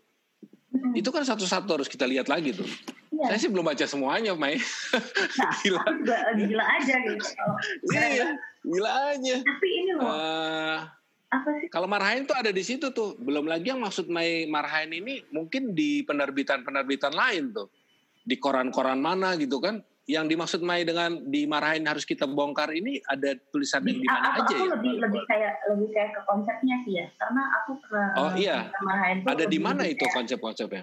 ada di sebenarnya aku aku jujur baca bacanya tuh dari kayak surat kabar di koran pers Oh iya benar itu. Iya, Eh, benar. udah kayak gitu Iya, ya iya. ya motong-motong gitu loh jadi dari Iya, Aku ah, cari clipping, buku- clipping, clipping. buku kakekku juga ada tentang kalau nggak salah di, di bawah bendua revolusi pun ada loh masalah Nah, iya itu juga tuh. ini ini Aku apa, coba deh. Kebetulan Coba-coba bukunya aku Mas ada dicari. itu. Iya, nanti aku coba coba cari itu, itu ada deh kayaknya Ah, jadi Iya, eh, coba. ini aku me- mencoba membuka memori dari eh, Iya. bacaan aku Betul. jadi Iya, betul tuh, Mei. Eh, jadi apa ya dari masa-masa bertahan hidup itu sebenarnya eh, dari 45 ke 50 dan kita nggak bisa berbuat apa-apa itu kok aku kayak punya feeling ya akhirnya punya feeling dari puzzle-puzzle yang dibaca itu kalau sebenarnya di situ banyak makanan-makanan sehat yang uh, sebenarnya sehat dan sebenarnya dipakai untuk survive Iya. orang-orang Indonesia saat itu gitu. Betul, betul, betul, betul. Uh-huh. Itu yang kemudian keluar buku Mustika Rasa itu kan. Iya. Iya. Jadi Mustika Rasa itu itu buku. Jadi jadi kalau aku lihat nih ya eh, supaya agak runut dikit ya. Kita bicara tadi eh, tahun 3, 27 30 keluar itu eh, Indonesia menggugat. Lalu 52 dia dirikan IPB. Berjalan dengan waktu tahun 60 itu ada masa masa masa Malaysia juga tuh. Kita kemudian membentuk dan meng- mengadakan yang namanya deklarasi ekonomi, Dekon. Ekon. Ya aku bacain ya. Dekon itu tahun 60. Jadi ini fase 2 nih di masa sulit nih. Karena kita akan menghadapi kita akan menghadapi apa namanya persoalan-persoalan internasional dengan Irian Barat. Masalah Irian Ah, Barat iya, dengan Malaysia dan Singapura ya. Itu masalah sulit. Nah, pada waktu itu Dekon itu diperuntuk eh, mempunyai beberapa poin penting. Satu ya, meng- mengekstensifikasikan pertanian dengan menambah areal dan areal dan transmigrasi. Yang kedua, mengintensifkan pertanian dengan mekanisasi dan memperbaiki cara-cara bercocok tanam. IPB punya peran di situ.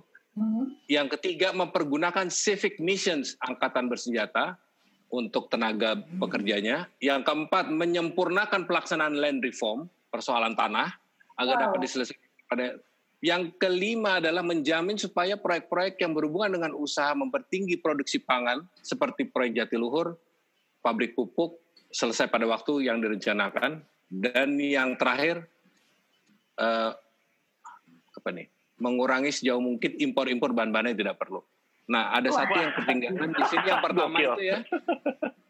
eh, meng- yang paling penting itu yang pertama tuh. Jadi sebetulnya mengekstensifikasikan pertanian menambah areal dan transmigrasi itu menjadi sangat penting. Jadi Ya. transmigrasi itu salah satu cara percepatan yang yang ditransformasi oleh para para apa pemikir eh, di Depernas pada waktu itu bahwa transmigrasi itu salah satu cara untuk percepatan silang kebudayaan bercocok tanam dari seluruh suku-suku yang ada dengan Oh, membawa gitu.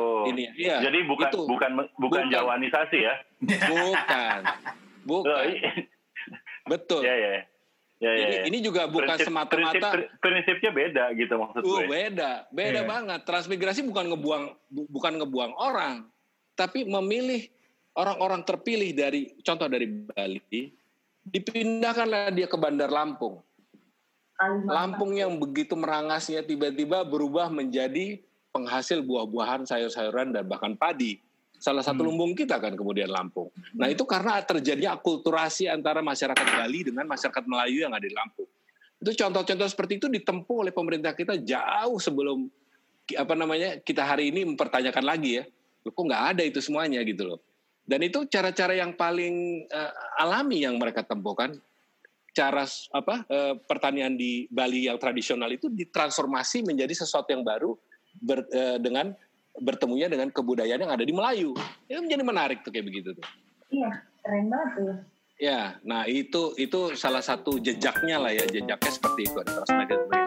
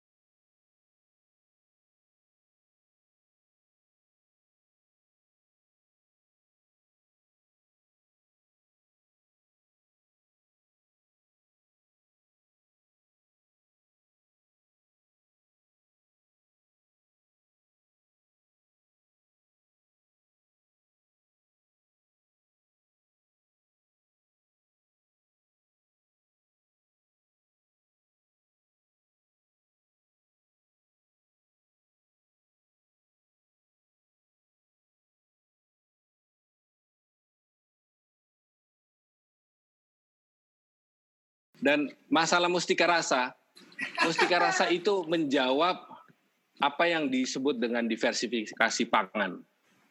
Pada waktu itu tidak semua wilayah di Indonesia makan padi benar tuh Mbak Mei. Orang-orang yang ada tapi di menarik NTT nih. atau apa, Mas Lutni tentang Mustika Rasa tuh. ya, Buku itu kan kemudian ya, wah itu diakuisisi, saya juga, diakuisisi oleh JJ Rizal kan. Tanpa eh, iya, itu, saya juga nggak tahu tuh bagaimana tuh. itu kan nggak jelas kan Dia nggak minta rights-nya izin ya. juga sih. Itu dia dia nggak ada izin. sebetulnya. Terus dia jual bukunya ke PDIP. Ya, Eh, itu itu memang jadi masalah tuh. iya.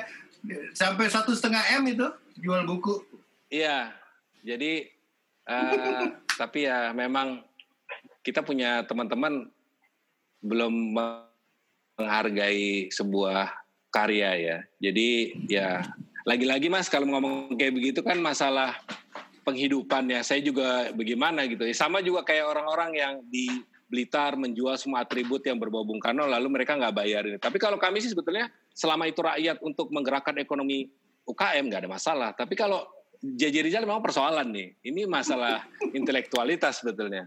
Dan dia juga teman kami gitu. Jadi ya oke. Jadi dalam hal ini juga ya saya mengerti soal itu sih.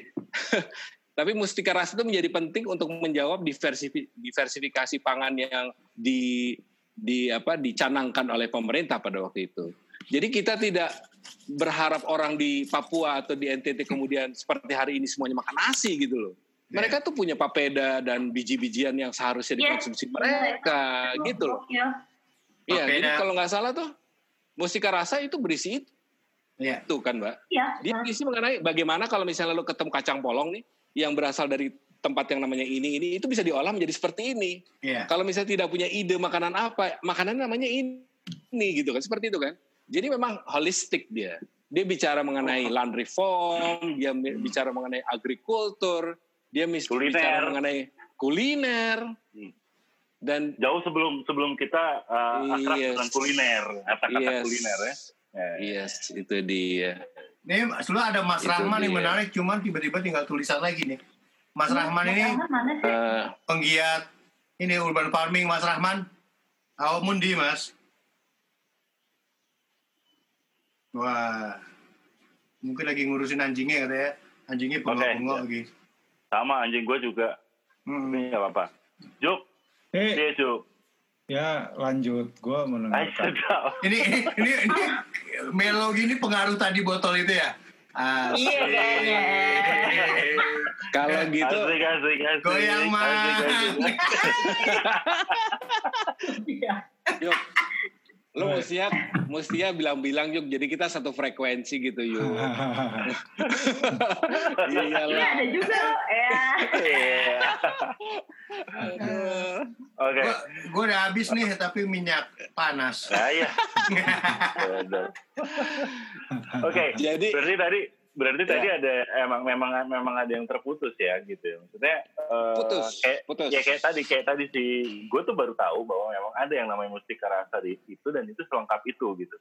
Oh iya, tabelnya aja Iya. segitu. Tebal segini bro. Lagi Iya. Bro. Wah. Dan dan itu kan harusnya eh, bersifat tidak hanya apa namanya tidak statis gitu ya. Maksudnya itu akan berkembang terus kan harusnya gitu. Harusnya, itu, itu, harusnya. itu kayak kayak kitab kitab eh, Iya. kitab kuliner Indonesia Iya. kan sebenarnya itu kan Iya, iya. kayak gitu kan Iya. iya iya iya iya. Ini juga dijual, sempat dijual di Cikini kok itu. enggak itu harusnya harusnya memang dilepas dilepas aja gitu nggak ada nggak ada rights-nya lo gimana ceritanya lo mau bikin apa gitu kan itu kan Eh, pengetahuan umum kan harusnya gitu buat buat orang Indonesia gitu Iya. Iya. betul, betul. Iya betul. dong. Iya Betul. Dan sebenarnya gini Iya. ya, aku karena sekarang apa eh, ber, ber meneliti juga tentang makanan-makanan sehat gitu. Itu kalau mau sehat, itu makan aja dari situ. Iya, Gitu ya? betul. gitu ya Iya? Iya. Iya. Iya. Uh, uh, Oh, gitu. Walaupun kayak gini loh, walaupun eh, kayak gini loh, kayak sebenarnya aku kadang-kadang pengen ketawa-ketawa juga ya. Pernah aku ikut em, eh, ikut satu kelas politik gitu lah di, Mm-mm. di Jerman itu kelas kayak yoga gitu sih yoga ya yoga sehari-hari gitu. Eh, ya kayak Hmm. kayak gym biasa lah tapi dia bilang si gurunya tuh tahu nggak sebenarnya yang, yang keren itu apa uh, yang keren itu dia bilang kayak uh, ke ada salah satu tes yang lagi belajar juga di sana gitu itu orang bikin dia ngomong sebenarnya itu keren banget loh orang-orang orang-orang Asia tetangga kamu tuh ngomongnya tuh gitu karena mereka merebus uh, apa sih air rebusan salam buat mereka fit seharian gitu loh cuma hmm. pakai air rebusan salam sama madu gue tembel hmm. aja sama dia hmm. mau tahu nggak yang namanya sayur lodeh sayur asem mau tahu yang namanya segala macam sayur pakis sayur, sayur pakis pokoknya, hmm. pokoknya juga tanaman hutan tuh ya bikin uh, sayur bayam pun aku yeah. pakai daun salam gitu kan yeah. akhirnya aku tuh uh, kebetulan pas momennya saat itu ulang tahun gue mau ulang tahun gue undang nih padahal sebenarnya ketawa-ketawa lu ulang tahun masaknya sayur bayam bodoh penting gue kali ya. Yang namanya air rebusan daun salam tapi ada jatuhnya ini gue gak mau tahu. Jadi cuma masak iya, iya, nasi iya. uduk.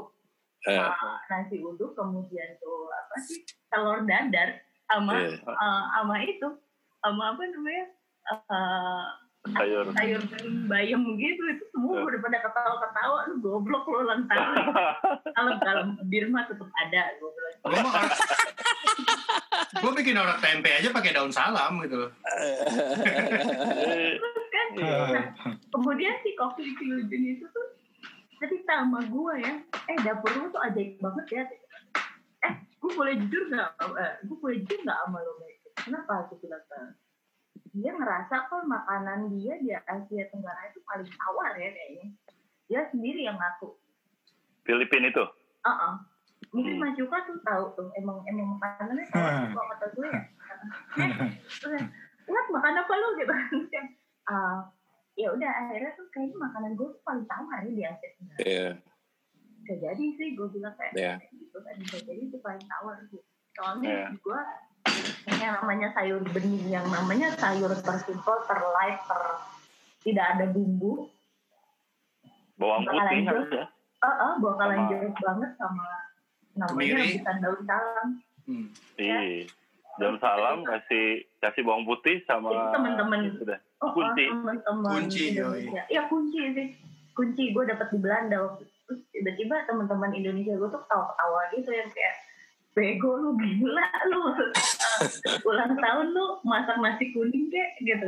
Eh buat dia spesial soalnya kan ini guru yoga gue ngomong uh, ini ada daun salam men. Daun salam dari bayam pakai air rebusan daun salam itu sehat. Apalagi ada zat besinya. Oke deh lu terserah. Dia udah seneng aja dikasih itu padahal gue udah diketawain lu goblok. Tapi ya cerita itu kan sama juga dengan daun pakis yang gue tadi bilang. Daun pakis tuh pada awalnya tuh orang semuanya kalau di, di ini apaan sih? Itu kan daun dari hutan, tanaman pakis hutan itu kan. Ya. Kemudian karena banyak punya punya gizi yang baik, serat yang tinggi, diolahlah itu menjadi makanan yang kita kenal sekarang dan kita buat sarapan pagi-pagi sama lontong sayur kan. Orang oh, Padang kan iya. banyak banget tuh, iya kan? Dan itu kemudian menjadi begitu begitu menariknya entah karena bungkusnya atau bagaimana ya ya belum aja itu jadi tren gitu. Tentu juga jadi tren juga. Ini pakis di mana-mana cari loh sekarang. Itu tanaman ya, hutan loh. Orang dulu kalau eh, hmm. ketupat sayur pakai pakai pakis pula apa-apaan tapi tanpa pakis nggak enak kan gitu loh. Hmm. Iya gak sih? Jadi magical banget ya masakannya ya. itu satu bumbu nah, rasanya langsung jadi, berubah gitu. Jadi persoalannya Mas Yogi kembali ke satu setengah miliarnya JJ Rizal itu harapannya harapan gue ya dengan positive thinking itu Mas Yogi orang PDIP tuan-tuan yang mulia itu sebetulnya harusnya membaca dan menyarikan kenapa ada mustika rasa kan gitu ya. Gue curiga dari sekian ratus anggota DPR RI yang dari fraksi PD Perjuangan itu terima buku itu hanya oh ini buku yang buat Bung Karno loh. That's it. Masuk ke dalam rak-rak buku mereka. Padahal sebetulnya di zaman new normal ini, kalau Bung Karno dulu di tahun 57 pernah bilang gerakan hidup baru, itu orang-orang itu mesti tercerahkan dengan membaca buku itu dan melakukan gerakan-gerakan hidup baru dengan melakukan semua cara untuk mengaktifkan atau membuat sumber-sumber pangan kita menjadi sangat beragam. Wah ini harusnya nih kalau Rahman saya bilang Iya kan? nggak nggak hilang nih menarik nih. Iya, Itu mestinya. Saya- ta- Iya. Tapi persoalannya karena kita di sini ngomong cuma empat orang, nggak ada orang PDIP di sini. Jadi orang PDIP juga nggak tahu itu Mestika rasa apa. Hmm. Hmm. Jangan-jangan ya nggak tahu ya. Aduh, mestinya ada Gue sempat hidup baru sempat dong. Ngeliat normal, dunia normal buku itu- aslinya tuh. Iya. Iya, memang udah hancur banget. Dan buku itu dia Iya. dapat JJ Rizal dari toko buku tua gitu. Iya. Itu di lapak toko toko buku tua. Kalau Nah itu Iya, iya. Serial Oke, barunya ya, tapi itu menarik banget sih kayak menarik banget, menarik banget. Iya, Jadi jadi gini loh, sementara eh, masakan yang ada di rumah kita itu yang kita bilang beragam itu sebenarnya Iya. sebenarnya itu belum beragam. Iya, Dan pasar kita sekarang Belum. menurut aku kayak udah anjing monokultur gitu loh karena eh, kentang juga gitu. Sekarang Iya. sekarang gini ya. Mas Sigit ini maaf aku potong aku sempat nonton acara masak Italia seorang Hmm. perempuan yang keliling di Italia hanya Iya. untuk melihat perbedaan pasta yang ada di Italia itu Yes. dan yang dikunjungi itu ibu-ibu tua yang udah octogenarian Yes. yang mungkin udah setahun dua tahun lagi lah tapi dikumpulin di satu rahasianya menarik Iya. sih mungkin kalau Kita apa, punya itu. iya ada yang melakukan Iya. itu gitu loh Betul, Jadi sebenarnya betul. enggak, enggak maksud gue se- eh, sebenarnya tadi makanya gue sebutkan eh, sekarang ini sebenarnya sudah ada langkah-langkah seperti itu gitu dari beberapa teman yang gue tahu lah ya gitu tapi memang memang Sporadis. eh, Iya kan? bukan sporadis juga tapi maksud gue gini itu sudah modifikasi pengen lo bukan yang ngegali Oke. ke akarnya Oh gitu iya loh. iya. iya. Hmm. Oke, iya, Karena- iya. Oh Ya, gitu ya. Ah, Oh, jadi memang oke iya, iya. di daerah Hmm. sini ada ini oke cara membuatnya seperti apa udah gitu aja gitu kan Hmm. Eh, yang Hmm. yang yang kita Hmm. but- ta- tapi kan sebenarnya ternyata sudah ada gitu loh dan eh, Iya, kitab benar. itu sudah ada tinggal memang itu diperkaya diperkaya Iya. terus menerus karena emang ada dinamika masyarakat Harus. kan, gitu kan Betul. ada perjanjian Betul. barunya gitu ya iya Iya, lah. setelah perjanjian iya benar benar tuh. tapi yang masalahnya masalahnya yang ada aja belum belum belum. Iya, itu gitu loh. Iya, Ah, nah ah. sekarang boleh tanya nggak? Tanya ya Mbak Mei. Itu Ya. kenapa zamannya siapa dan kenapa kok tiba-tiba begitu masifnya orang-orang disuruh makan nasi itu kapan sih? Sampai orang Irian sukaannya datang ke rumah makan Padang sekarang makannya itu dari Filipina bukan ya gini lagi nasi. Itu gimana sih tuh? Siapa yang ini? Zaman Pak Harto itu. Mereka Iya, dulu nggak ada yang makan nasi loh. Monsanto tuh ya kerjaannya Monsanto ya Monsanto ya? Zamannya Ntar lo deh, kayaknya itu pas ini deh, kita lagi ambis-ambisnya buat swasembada pangan, men. Oh, Iya. oh beras dari iya. Filipina ya. ya Iya, kayak beras gitu, jadi semua eh, semua tuh beras gitu. Tapi gini loh, sebenarnya eh, Mas kalau misalnya kita ngelihat ya pemaksaan pemaksaan dalam Nah. tanda kutip nasi itu berawal di Pulau Jawa dan menimbulkan wabah juga Mas gitu. Iya, betul. Oh, oh, jadi yang kayak wabah pes itu eh, karena gini loh, aku kan kemarin ini ngomongin apa sih? eh, jadi eh, saya ini apa kayak "Wah, ini kan zona-zona wabah tanpa geblok ini gitu. Kemudian atasan saya cerita kalau kakeknya pun adalah pencatat zona-zona berbahaya di zaman wabah pes, tapi dia nggak survive gitu. Hmm, hmm. Oh ya menarik nih mbak, gue bilang kayak gitu kan. Akhirnya gue pancing nih, ah pancingnya gitu. Tiba-tiba ternyata dulu pun adalah udah ada eh, impor beras dari Myanmar yang menimbulkan akhirnya di Indonesia tuh merebaknya wabah pes gitu. Oh, gitu. Itu bisa dicek juga sih itu Hmm. eh, Hmm. di apa apa namanya eh, di itu wabah pes itu berasal dari sebenarnya impor beras di Jawa dan pemaksaan komoditi beras itu berarti udah dimulai dong Udah. Iya, benar. dari saat itu di Jawa ya terutama Iya. karena aku nggak ngerti kenapa gitu ya. karena um, aku nggak ngerti kenapa ya waktu itu harus harus mengimpor beras padahal sebenarnya eh, apa itu kerjaannya kolonial aku nggak ngerti juga gitu eh, kenapa impor beras saat itu gitu. Tapi, tapi bukannya itu sorry sorry sorry gue potong ya, gitu, eh, bukannya ini itu juga ada di pi- pidato pembukaan IPB eh, dari Bung Karno ya soal Ya, soal yang mana? apa yang soal beras soal bagaimana me, Iya, meng- mengoptimalkan. ah, ah, mengoptimalkan beras dalam arti Iya, mungkin itu iya. nggak nggak tahu ya gue gue nggak tahu apa yang terjadi tapi bisa aja itu yang diterjemahkan secara bebas gitu loh oleh oleh uh, apa namanya pejabat pemerintah dan uh, apa namanya di di di berikutnya setelahnya. Gitu. Iya. Tapi dia nggak kayak gitu kan? Bisa, tapi rambu-rambunya kan sudah dibilang sama Bung Karno juga di pidato itu.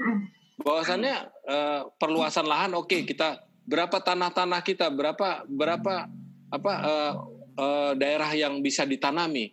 Kita punya lahan-lahan gambut, tapi kemudian kita belum tahu itu. Itu terra incognita. Akan oh, ada masih ada rambu-rambunya. Kan yang terjadi ya. kebablasan. Ya, ya makanya maksud gue uh, hmm. artinya uh, di awal di era itu pada saat pembukaan itu memang yang dibutuhkan adalah gizi kan. Iya. Gizi kan, gizi iya. gizi bagi, gizi. bagi seluruh pemerataan gizi lah gitu. Dan, iya. dan salah satu yang memang memang uh, tadi karbonya karbohidrat tinggi kan memang berat. Iya. Gula karbo karbohidratnya tinggi untuk meningkatkan ya untuk apa ya dulu kurus-kurus kali orang. Uh, habis, enggak, habis tunggu. Zaman, ah. Tapi kayaknya nggak begitu juga. Karena Mustika Rasa Ada, itu coba bukan, dilihat bukan, lagi. Bukan di Mustika Rasa ya, tapi di di pidato pembukaan IPB itu. Oh. Gitu. Oh, iya, itu iya. itu, itu tuh sempat sempat tercatat sih gitu. Gua gue okay. jadi jadi agak-agak berpikir ini jangan-jangan disalahartikan nih. Memang, Atau di, kalau dianggap, itu ya setuju. Di, dianggap sebagai sesuatu yang statis gitu loh. Betul. Tidak Karena gue nggak yakin. Iya kan. Gue nggak yakin beras beras menjadi sesuatu yang sangat dipuja bahwa beras menjadi the only one jalan keluar untuk pembenahan gizi enggak enggak seperti itu karena kembali ke mustika rasa dia memperkenalkan juga papeda kan papeda iya, itu iya, juga iya. sudah diteliti itu memang memiliki unsur yang tidak kalah dengan beras. Nah, persoalan beras menjadi sangat penting karena padatnya penduduk di Jawa dan Sumatera. Bukannya begitu, Bro? Oh, oke. Okay. Jadi sebetulnya kebutuhan dari 80 million orang yang ada di Sumatera, Jawa kebanyakan itu yang lahannya sudah tinggal sedikit. Nah, mau diversifikasi lahan ke mana? Ya coba di tanah-tanah yang ada kita. Tapi tidak berarti serta-merta kemudian mengubah kultur masyarakat setempat yang sudah mempunyai uh, tanaman pangan utama sendiri. Sepertinya hmm. itu. Kalau okay, enggak okay. isinya mustika rasa ya nasi aja semuanya. Iya, iya. Ternyata enggak. Ternyata enggak kan gitu. Tapi kebutuhan ja, di Pulau Jawa dan Sumatera yang kalau nggak salah tuh hampir 60 persen apa 70 persennya. Nah itu membutuhkan beras yang sangat banyak. Iya, padahal sebenarnya nggak harus ya. Iya. Tapi kemudian ketika orang di Irian Jaya tidak lagi makan papeda hari ini sama yang kayak gitu-gitu, malah makan nasi. Nah itu itu kebablasan sebetulnya karena iya. diversifikasi, ya. diversifikasi pangan seperti yang tercatat dalam deklarasi ekonomi dalam ini apa eh, sejarah kita yang tercatat itu sebagai salah satu upaya untuk ketahanan pangan itu cara untuk uh, mengadakan ketahanan pangan itu itu dilanggar semua hmm. gitu loh. Hmm. hmm. Tapi gitu, ada okay. gini deh apa yang namanya um, yang tadi ya yang dari Indonesia adalah 71 level gitu ya dan uh, kemudian tuh apa namanya saya percaya kalau orang dari daerah A sudah ditumbuhi alamnya A maka dia akan sehat makan A gitu. Iya ya, betul. Orang Indonesia Timur katakanlah orang Maluku orang Papua yang uh, akan sehat lebih sehat makan sagu daripada makan nasi gitu. Iya. Hmm. Terus uh, aku mikir-mikirnya mikir-mikir ke kimia yang makanan lagi ya yang namanya nasi kan banyak gula gitu kan. Terus si gula ini tuh uh, apa ya dulu gini loh ada ada ada suatu uh, bukan banyak ya kayak orang uh, ada satu riset tapi riset ini bukan riset yang dibutuhkan. Intinya orang Indonesia Timur itu punya gizi kuat-kuat gitu. Hmm. walaupun minumnya juga kuat gitu kan. Oh, itu hal-hal yang apa harusnya itu tuh mengikis gigi tapi tuh enggak. Nah kemudian kasus osteoporosisnya yang uh, juga rendah gitu. Tapi setelah mereka banyak makan nasi itu jadi beda gitu jadi tinggi karena uh, beberapa hal yang entah nggak cocok entah gimana ya itu kalau nggak ngerti. Hmm. Tapi yang namanya saya percaya juga uh, satu kejahatan tangan kita bukan cuma di beras, yang lebih jahat lagi adalah terigu. Hmm. Gitu, jadi terigu itu sebenarnya jahat sudah mah terigu itu susah dicernanya sama kita adanya bleaching dari si gitunya sendiri, bleaching pemutihan dari proses sendiri, kemudian glutennya sendiri, dan satu lagi yang ironis adalah di tanah yang subur dan banyak suksesornya ini kita jadi pengimpor nomor dua terigu. Iya, betul terigu, betul. Padahal itu terigu tuh sangat uh, dokter-dokter nutrisi. Saya pernah ketemu beberapa dokter nutrisi buat ngadepin orang yang uh, uh, cancer gitu ya. Itu yang paling nggak boleh adalah udah terigu skip aja. Dan beneran kalau mau uh, si orang pasien itu dicoba clean eating clean eating kemudian clean eating ada salah satu bahan yang menarik banget namanya sorghum mas dia asli Sorghum. Oh ya, sorghum. sorghum. Uh, dan itu gulanya rendah banget rendah banget dan uh, kalau dibikin biskuit itu enak banget Ya, ya. tapi dia gak berkembang aja gitu itu kesel banget Iya, Iya. sorghum, sorghum itu dikenal sama orang tua kita kan zaman zamannya bokap nyokap Iya. tuh, Gua mbah gua kita. SD SD sih masih dikasih tahu ada Iya. namanya sorghum, Sorghum. gitu bahan Ah. makanan. jali juga kan uh, jali Iya. juga ada Katanya enak loh itu. emang enak Sorghum enak itu? banget saya kadang Iya. Saya makan sorghum kalau makan malam Oh Mbak gitu. Mai, ya? tapi bisa jadi juga nggak sih karena cara kita menanak nasi sekarang udah beda. Dulu kan kita prosesnya panjang ya. Betul. iya iya Jadi iya. Betul. jadi airnya itu yang mengandung gulanya itu hilang dulu. Kalau Hilang. sekarang Iya. kan kita aron nih, istilah orang kan di aron ya. Iya, Nah, jadi nasinya itu hilang bersama berasnya gitu. Jadi kadar gulanya semua nempel di jadi nasinya. jahatnya tuh double double mas dari Hmm. jahatnya si nasi nasi sendiri udah jahat gitu ya tapi ntar dulu lebih jahat lagi kalau lu masak pakai magic jar gitu itu itu serius Lebih jahat lagi kalau lo makan makan apa namanya na- nasi sama mie. Bah, Magelangan ya. Magelangan nggak boleh tuh Magelangan tuh. Waduh. nasi nasi goreng sama mie goreng. Buset. Tim Dan itu- tim ini tim tim bakmi adalah lauk. Tapi iya. sebenarnya paling jahat paling jahat tuh magic jar sih. Magic Oh, jar. gitu ya? Iya. Iya, jadi kayak eh, jadi eh, di dalam magicom itu sebenarnya kayak ada apa ya? Saya kalau masak pakai flour cooker ya mas. Jadi kayak Hmm. eh, dia masaknya lebih lambat. Satu dia masaknya cepat. Udah jelas kalau masak cepat itu gulanya juga buru-buru jadi tinggi gitu. Yang kedua tuh masak masih kerendam itu yang kata Mas Yogi itu. Yang ketiga juga adalah si bahannya ini bahannya mangkoknya magic jar itu eh, bahannya kayak teflon gitu Iya. itu juga jelek Hmm. gitu. Nggak boleh kena panas kan itu. jahatnya bukan bukan double lagi itu udah Hmm. ada gitu dah banyak banget gitu kejahatan di Dajal deh pokoknya ya. Iya dajal dah gitu mungkin dajal bermata satu kali ya itu nah, nah artinya artinya sebenarnya eh, masa-masa pandemi karantina seperti ini kita kalau mau berpikir new normal seperti itu sangat-sangat sangat-sangat penting ya. Maksudnya bukan penting, maksudnya bisa banget gitu loh. Bisa Orang dikasih ya. waktu. Di, iya dikasih waktu, dikasih waktu berapa? Lima, tiga, empat bulan gitu kan. Gitu. Masa lo ya nggak mau mikir juga. Terus new normal sekarang balik lagi kayak yang kemarin. Gitu kan. Masa mau kayak gitu juga kan intinya gitu. Eh, tapi gue tadi tertarik nih eh, sama yang lo bilang Mei bah- bahwa soal balik lagi di awal soal oke urban farming gitu ya urban farming berkebun itu bagus gitu kan cuma kayaknya memang harus ag- agak sedikit di twist cara berpikirnya adalah ya itu tadi lu jangan jangan nanam eh, tanaman-tanaman komoditas ya gitu ya. Hmm. ya kan?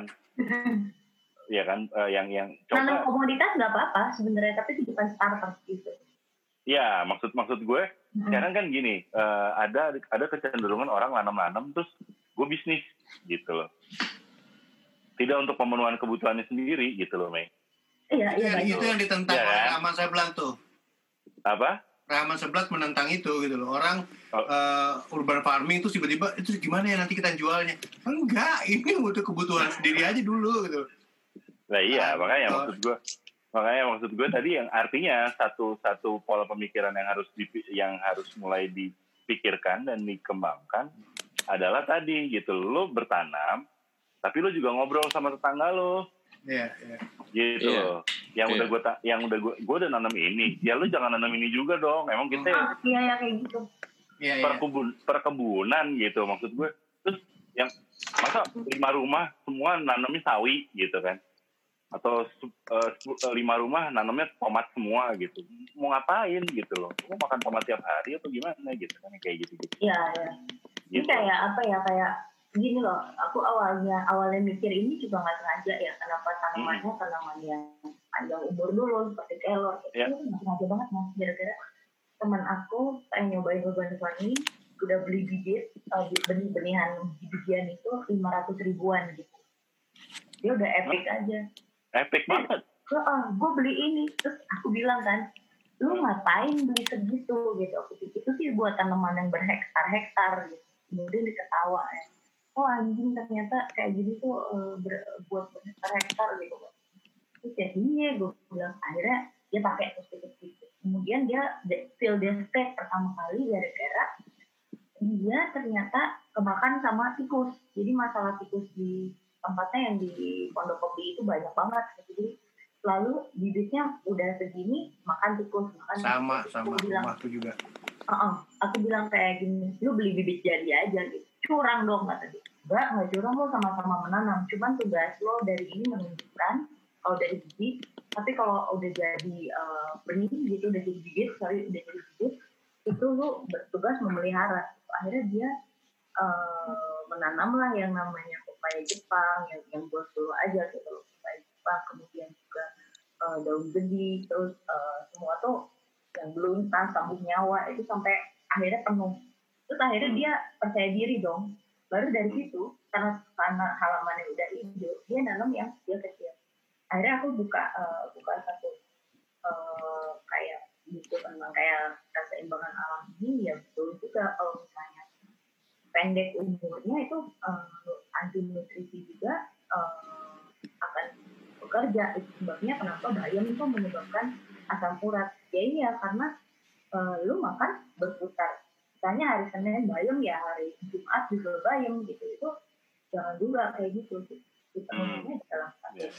satu hari aja terus nanti ganti ganti ganti lu minggu depan baru eh, Iya. satu lagi gitu ya lu nggak akan asam urat kok kok kayak gitu Nah ini Mas Rahman Seblat udah masuk nih. iya M- mungkin, loh, oke. Mas Rahman bisa cerita sedikit tentang pengalamannya bercocok tanam di Depok. Suaramu nggak ada, Mas. Sama apa katanya mau ngomongin tentang literasi pangan ya, Mas ya. Monggo, Mas Rahman.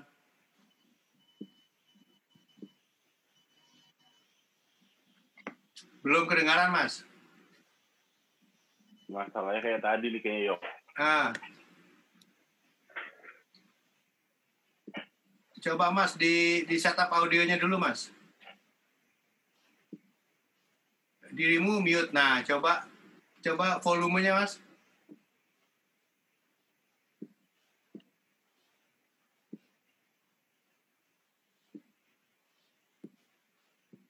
Belum enggak belum kedengaran Mas Rahman.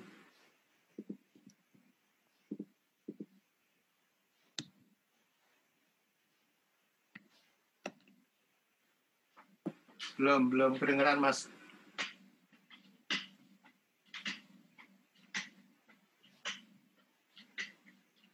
Sama kayak Mbak Mai tadi nih agak di bagian bawah itu Mas ada sebawah kiri itu ada gambar mikrofon.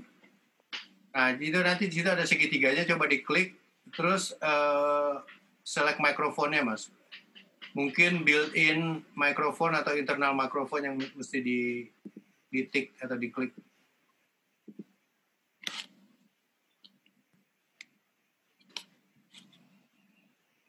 Emang Zoom ini nggak ramah buat orang Jawa, Mas.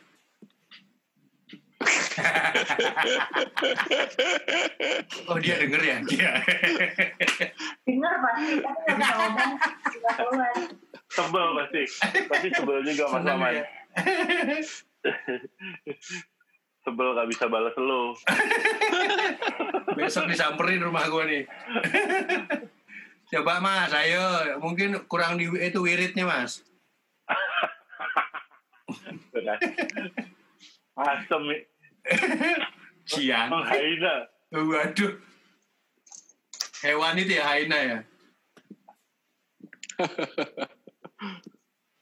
Ayo Mas Rahman, doanya kurang ini. Yuka birnya udah habis Yuka. Udah. Menengah. Udah, ya. Ini musuhnya single malt nih Yuk. Widih, Najo ya Pak ya. Yang botol botolnya segitiga itu ya. Glenn Glenfiddich boleh lah kalau ada es. Iya ya.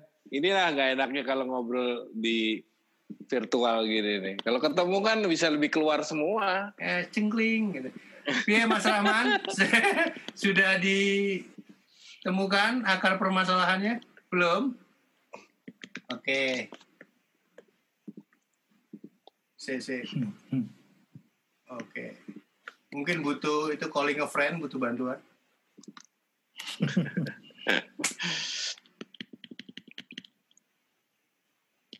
Seru juga nih kita ya, udah udah ada lima jam kita ngobrol nih. Iya.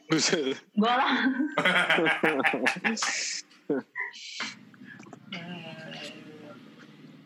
Yuk kita nanam apa nih yuk? Nanam kebaikan aja kita yuk ya. Boleh. Gue maunya sih nanam modal. Asik. Loh, Dani kok nggak ada? Jadi lagi ngambil roti, rotinya ada yang bantet katanya. Dapat jatah roti dia. Jatuh roti bantet. By the way, Mas Sigit, yang Ya. menarik juga tanaman ini ya, tanaman berry di Indonesia. Sekarang Kenapa, kenapa? Tanaman berry, berry. Di Berry. Indonesia tuh banyak banget ya kayak murbei kayak gitu yang sebenarnya itu tidak disadari adalah Iya. berry gitu loh. Murbe itu yang itu ya, yang Hitam. merah-merah. Oh, yang oh, yang hitam ya. Kalau merah arbe. Oh, Nih sambil nunggu Mas Rahman, aku cerita ya. Oh, Bagaimana dulu tuh kita tuh eh, sakingan eh, Bung Karno yang punya visi tentang pangan, tentang kuliner, tentang makanan itu menjadi sangat penting itu di tahun berapa aku lupa 50-an lah pokoknya. Dia itu menyerahkan bibit-bibit terbaik kita Mhm. eh, buah-buahan seperti belimbing, terus mangga, durian, terus banyak lagi lah yang lain-lainnya. Itu kita bikin kerjasama bilateral dengan kerajaan Thailand. Oh. Jadi kita me- memberikan bibit-bibit kita ke sana dan mereka memberikan apa? Yang tujuannya di Thailand dikembangkan biogenetika untuk apa? em, eh, apa? eh, per- mengemba- memper- mengembangbiakan tanaman tersebut menjadi yang lebih baik. Mhm. Itu di itu eh, posisinya di dalam jadi laboratorium itu kalau di Thailand itu di dalam kompleksnya istana. Nah, kita di Kebun Raya Bogor Hmm. Wah, Itu- oh iya. gitu loh ceritanya tuh gitu nah begitu 67 Bung Karno nggak ada. Udah nggak kedengaran lagi tuh program kerjasama itu. Tiba-tiba membanjirlah tanaman Bangkok, apa gitu buah-buahan dari Belimbing Bangkok, Bangkok, iya. Ya. itu semua da, itu itu itu dari kita mas mbak. Emang yang kita serahkan ke sana untuk dikaji sama dia dikembangbiakan lalu kita beli itu hasilnya ke sini. Gila nggak? Dan man. kita tidak menghasilkan apa-apa. Dan kita nggak menghasilkan apa-apa. Ya itulah. Jadi ada jadi sebetulnya ini harus ada kita harus nemuin satu orang lagi bisa menjelaskan tuh eh, shiftingnya tuh cultural Ya, ya, shifting ya, yang ya. terjadi itu yang Karena aku juga politically mentok-mentok sih ya. iya karena political mentok-mentok. secara politik itu pasti ada kebijakan pemerintah yang itu karena dahsyat itu dahsyat banget kan perubahan yang terjadi kita kita itu pengekspor eh apa penge- kita pengekspor tanaman eh, buah-buahan dan sayuran ke Malaysia, Semenanjung, Malaka semuanya itu kita yang pasok. Terus tiba-tiba kita jadi mengimpor. Coba gimana coba? Ini yang dipelajari sama Ibu Susi mantan Menteri Kelautan juga loh. Ingat nggak yang apa eh, polemiknya eh, lobster, baby lobster yang mau Iya. dijual sama Menteri yang sekarang Hmm. itu nah itu karena Bu Susi sebenarnya kayaknya udah ngebaca kalau mental orang Indonesia itu pasti bakalan beli gitu loh daripada Iya. dia menghasilkan yang unggul gitu. Nah ada Hmm. baiknya sekarang di Indonesia itu mengembangkan buah-buahan yang eh, yang hilang ya kalau kata aku hilang ya itu mengembangkan itu dan kemudian eh, dikembangkan menjadi superfood gitu. karena ketika dia dikembangkan jadi superfood maka dia akan uh, akan apa ya akan uh, bakalan ini bakalan kita yang bakalan uh, untung gitu karena bibit-bibit dari kita yang dicari gitu sama mereka Hmm. tapi sebenarnya makanan di sekitar kita itu makanan Indonesia itu Waduh, Waduh, ada apa tuh? itu ada pejabat datang. Tangga gue polisi, Pulang, Astaga. pulang. tiap dia pulang dia minta bukain, dia minta bukain rumah dengan dengan lakson. Ngeselin banget. begitu. Gila banget sih. Kadang-kadang dia pakai ini, pakai HT gitu. Heeh. Kalau pagi misalnya ada yang ketinggalan atau oh pakai tweet tweet terus pakai ya itu toanya mobil Pengeras, pengeras suara itu. Gila. HP dong HP ketinggalan Kampret. itu itu gila. Hubungan lo baik sih sama dia ya. baik Oh iya iya oke. dan satu yang menarik yang menarik sebetulnya dari doi satu hal penyayang kucing Oh, oke. sayang banget sama kucing digendong-gendong gitu kayak bayi di rumah itu Iya. kan jarang banget profil orang kayak gitu terus seneng sama hewan yang kesannya lemah dan nggak ada guna gitu Bukannya sekarang banyak orang yang paradoks ya? Hati-hati juga yuk. ya mungkin ya Gitu Tapi ya. nggak apa-apa lah. tapi itulah tweet Iya. tweet bukain dong Kaget gue. Yo, Pejabat banget itu. ini gimana ini Dang, lu barusan barusan ke dapur ngambil roti ya, Dang ya? Ma- makan tahu Oh iya. goreng lapar tadi habis ngomongin makanan Besok sarapan pagi cari sayur pakis sama itu lontong sayur oh bener ya dan Ya, ya, ya, bayangin ya. tuh makanan hutan bisa jadi makanan tapi enak loh kuliner. itu Enak. itu enak banget Enak ya.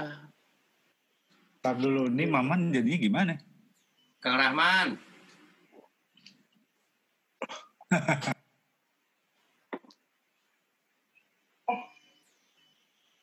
ayo Juk sekarang giliran lo yang nanya Juk laduk ini.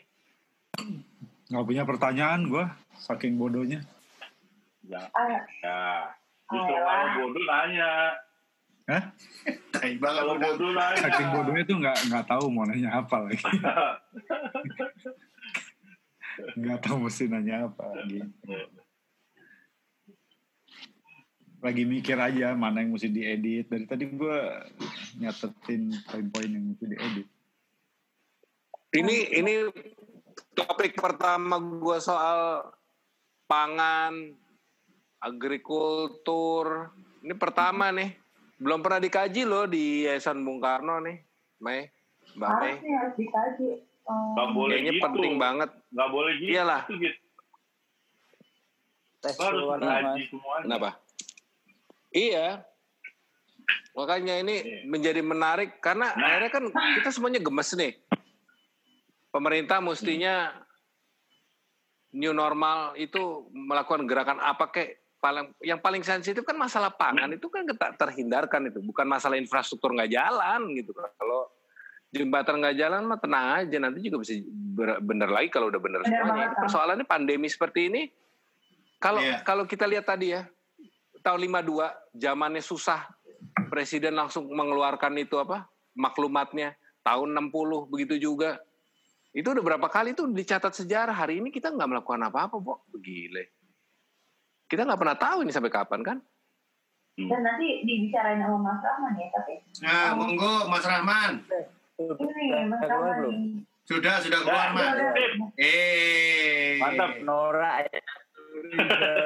Ini ganti pakai HP. Dasar wong Jawa ya. Ya. Deh. Wong Depok. ya seru sih dengerinnya. Jadi sebenarnya menikmati, saya menikmati mendengarkan tadi obrolannya. Karena kan ngomongin sejarah ke mana-mana gitu. Kayaknya seru banget gitu. Saya terpesona sih dengerin aja tadi. Terus nge-mute muka jadi biar dengerinnya kusuk tadi. Ceritakan pengalamanmu Mas dengan Kalau aku ya aku itu nekat kok Mas nanam itu nekat karena kebutuhan kayak kebutuhan perut karena dulu kan sejarahnya pas bikin rumah singgah kan. Anak lapas itu dulu saya kan sempat bikin rumah singgah terus ya buat bertahan hidup bikin kolam lele terus nanam sayuran. Sok-sokan jadi anarko tapi untuk funding gitu Kayak gitu. Dan nanemnya ya yang yang ini aja yang oportunis aja yang kayak terong yang yang dimakan kenyang ubi kayak, kayak gitu. Dan terus dapat tambahan ilmu itu ketika ketemu sama teman-teman Jatam yang mereka ngasih bibit kan. Jadi kalau bisa bibitnya warisan gitu. Jangan beli yang Monsanto atau apalah gitu. Dan ya itu kejadiannya. Kita Hmm. bibit sendiri untuk cabai untuk terong. Terus ketemu lagi teman-teman yang di sidoarjo. Karena kan saya sempat ikutan juga tuh di Lumpur Lapindo itu. Kita bikin greenhouse gitu terus mulai ngomong soal bibit warisan kan kita jadi ya Oke. karena kita konsep konsep hidup itu kan kayak punggung keong kata teman-teman itu harus bisa diputar kalau nggak bisa diputar ya itu berarti kita tidak mengikuti apa sih aturan alam lah kayak gitu Hmm. dan sampai sekarang sih masih masih kontak-kontakan dengan teman-teman yang yang ada itu pesantren di mana itu di Jawa Barat ya yang dia punya pustaka bibit kayak gitu. Ya jadi pinginnya seperti itu. Tapi kita lebih ke praktis ya mas. Hmm. praktis. Dan yang untuk sekarang kita terapin itu kan di Depok sebenarnya saya nggak gerak sendiri. Kita di sini ada teman-teman Depok lawan corona gitu.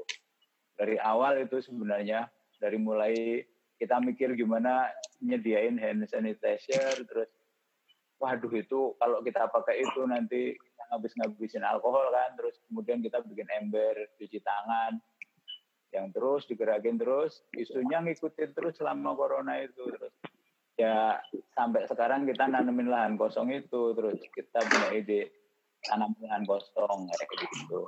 Dan sekarang ya aktif ada empat empat tempat lah yang udah jalan. Hmm. kayak gitu mas kalau dari saya ya dan ya sebenarnya kalau nanam itu kan karena memang senang ya jadi ya kalau saya praktek aja yang penting gitu. Karena yang saya lihat dari teman-teman ya bukan karena saya kuat maju ya tapi kita kan bisa ngakali lahan kan sebenarnya. Nggak perlu luas-luas gitu. Kita bagi dulu lahan yang paling kecil gitu. Karena sebenarnya kalau terong itu kalau udah tumbuh besar itu dua pohon aja buat dimakan sekeluarga cukup. Iya, ya kan? Hmm. terong terong ungu atau terong hijau aja itu buahnya banyak itu. Asal kita kalau saya sih karena bodoh ya. Pokoknya yang penting ketemu kotoran kotoran kambing aja udah. Itu udah udah jaminan biar buat pupuk bagus gitu lah pokoknya. Dan Hmm.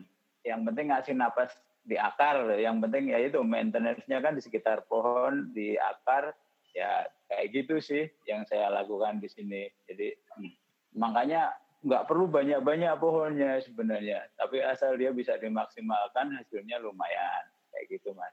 Dan menghindari yang rigid-rigid kayak tomat. Itu pusing tuh nanam kayak gitu. Gampang kena hama. Meskipun sebenarnya juga bisa diatasi pakai daun bawang atau apalah kayak gitu kan. Pupuk itu bisa kita bikin tapi ya karena kita juga rotok keset kan jadi yang paling bandel itu ya terong sama cabai itu yang kita Hmm. ini yang kita tanam sama kalau kemudian Hmm. pada miarai lele ya itu lele itu paling bandel juga itu iya, kalau Iya. betul. paling Iya. bandel makanya kemarin ada ide pakai ember itu ya memang bisa tapi Hmm. yang ditawarkan itu kemarin itu agak berlebihan jadi kayak yang Hmm. satu ember yang yang berapa liter itu diisi 70 lele ya lelenya kuntet itu nggak bisa dan Gede. ya kalau mengharapkan itu jadi jadi untuk jadi apa ya yang salah itu sebenarnya kita berpikir itu untuk mendapatkan hasil banyak. Hmm. Yaitu Harusnya? kalau saya sih yang penting bisa dikonsumsi, dikonsumsi sendiri dulu gitu. Ya, Hmm. dimak. Jadi kalau ada kelebihan ya nggak tahu dijual, nggak tahu dibarter gitu. Tapi sebenarnya untuk konsumsi sendiri kalau mau ngomong soal kedaulatan pangan tadi kan konsepnya. Jadi Iya. sisanya itu yang di- dijual gitu. Apa dibarter lah pokoknya kayak gitu Hmm. sih. Ya, kemarin banyak yang salah salah di awal. Jadi ketika ngobrol dengan warga kita ngasih bayangan ini bisnis. Wah, itu salah. Jadi misalnya Ah, kayak sempat ada ide dengan tukang ojek itu kan kita nanam ubi gitu. Ya Hmm. kita harus berpikir bahwa itu kita konsumsi misalnya untuk selingan selama seminggu dua kali makan ubi itu dua kali makan siang loh. hmm. Yang kesimpan buat tabungan misalnya. Nah, iya, itu iya, iya. bisa bisa apa sih bisa bisa nyimpen duit gitu. Nah, misalnya bisa seminggu tiga kali makan ubi yang dari ditanam kan semakin punya ada duit yang jadi dari hal yang kayak gitu juga dari awal harus bisa diomongkan ke mereka jangan sampai kita kayak tuh itu yang yang mungkin nggak akan berjalan lama gitu karena kan kalau udah ngomong bisnis ya udah ngomong kuantitas pusing nih dikejar harus Mhm. wah store sekian kilo Waduh. Ya, ya, ya. saya sih nggak seperti itu sih di sini Hmm. Berarti namanya kemarin kemarin kita tuh ngomongin soal sempat sempat diskusi ya sama eh, sempat ngobrol aja ngobrol kosong aja sama Yuka gitu ya. Hmm. Saya tuh sempat ngomong sama Yuka. Ini kayaknya ada ada masalah eh, nomenklatur deh masalah-masalah istilah gitu loh. Kita ngomong soal urban farming gitu kan. Hmm. Yang kita maksud adalah sebenarnya urban peasant gitu loh Hmm. karena passion ini kan lebih lebih ke ya itu yang tadi disebut gitu ya udah nih kebutuhan kebutuhan gue tercukupi kalau tetangga gue ada yang lain bisa barter lah gitu ya. Kayak gitu kan. Nah, kayak gitu. Ah, ah, itu misalnya dikerjain di gang misalnya ada empat gang. Masing-masing nanam beda terus kita bisa saling tukar kan menarik sebenarnya. Iya. Ini gang cabe ini gang kacang panjang ini gang terong misalnya itu ngelola satu satu Iya. RW gitu misalnya kan. Dan Iya, nanti kita iya. bisa saling tukar misalnya kayak gitu. Kan bayangan Hmm. memang bukan untuk untuk dijual nyari duit ya. Dapur kalau kita nggak jadi belanja kan lumayan punya uang yang bisa disimpan gitu loh Betul. gitu. buat yang lain-lain lagi ya kayak gitu iya iya iya benar juga sih nah maksudnya itu tadi gitu ada ada ada penamaan yang salah juga ya Juk iya Juk Hei, Ya. Maaf ya, lagi sibuk. Brutal. ngopi Tangan dulu gue jadi yuk. lapar. Eh, matang ya yuk ya. Iya. Iya. Gimana Iya, tadi ada, ada ada itu tadi istilah pengistilahan yang salah urban Ya. farming gitu dan Farming. urban peasant. Gimana gimana? Lu lu ngomong lah, mangan. Ya, ya, ya gimana ya? Ya kita tuh banyak lost in translation juga sih gitu. Artinya ketika kita mau pindah ke katakanlah kalau mau benar meninggalkan masa lalu masuk ke zaman modern yang serba barat, serba terukur itu apa? Penerjemahan alam apa? eh, penerjemahan alam berpikirnya tuh harus mulai dari bahasa sih menurut gue juga. Sa- Maksudnya sa- bukan harus mulai tapi itu juga salah satu hal yang yang perlu diiniin kan, perlu dipikirin. Peasants, Peasant sama farming itu udah beda ya. uh, peasants dan farmers gitu kan. Itu dua isu besar. Kalau farming itu adalah farmer atau fa- farming itu apa? Ya, bukan bukan itu apa, tapi eh, seperti yang lo waktu itu kita diskusikan gitu. Itu kan Skala besar untuk keperluan konsumsi. farming punya punya punya konotasi ada ada apa ya, ada punya konotasi skala, skala Hmm. yang besar gitu kan, kerjakan untuk emang kepentingan Industri ya setidaknya ada kapital yang main gitu. ya ya ya. ya. bahwa dia ketika dia bercocok tanam dia uh, tujuannya mengkontribusinya seperti yang Maya bilang tadi untuk pasar, untuk market bukan untuk uh, upaya mencukupi kebutuhan sendiri dulu deh dan kolektif gitu. Presence kan lebih ke situ seperti yang waktu kita. Iya iya iya. Dan gue tapi, tapi sambil makan mie instan ya. Iya. Makan makan terigu. ya, itu gluten. Campur ya. nasi enggak? Campur nasi enggak yuk? Enggak. Enggak sehat. Tapi, tapi hal-hal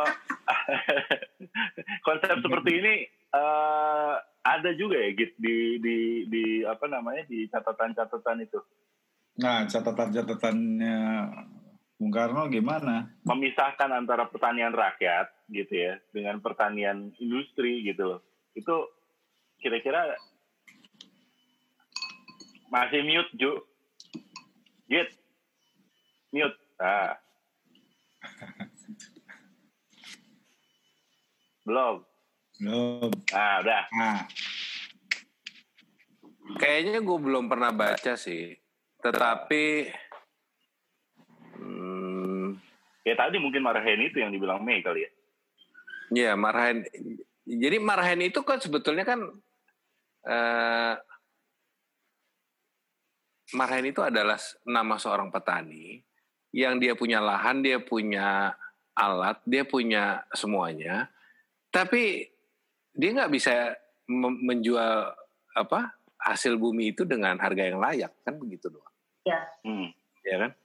Ini kan marhenisme itu kan merely adalah entrepreneurship yang ada di bumi Indonesia, entrepreneur apa asli bumi Indonesia ter, yang termiskinkan karena sistem. Hmm. Gitu.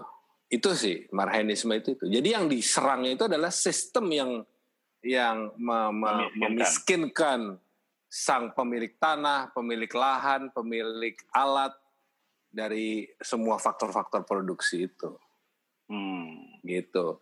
Nah, kalau tadi pertanyaannya adalah dipisahkan atau apa, gue rasa sih ya, ingat gak waktu uh, teman-teman lihat film dokumenter yang saya pasang, yang gue pasang di Gedung Pola?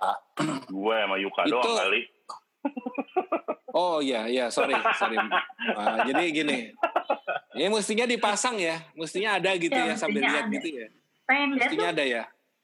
Uh, nanti aja mbak, nanti kita kita kan harus ketemu juga supaya tahu gedung Polan tadi omong-omong, karena itu tempat harus diketahui seluruh teman-teman.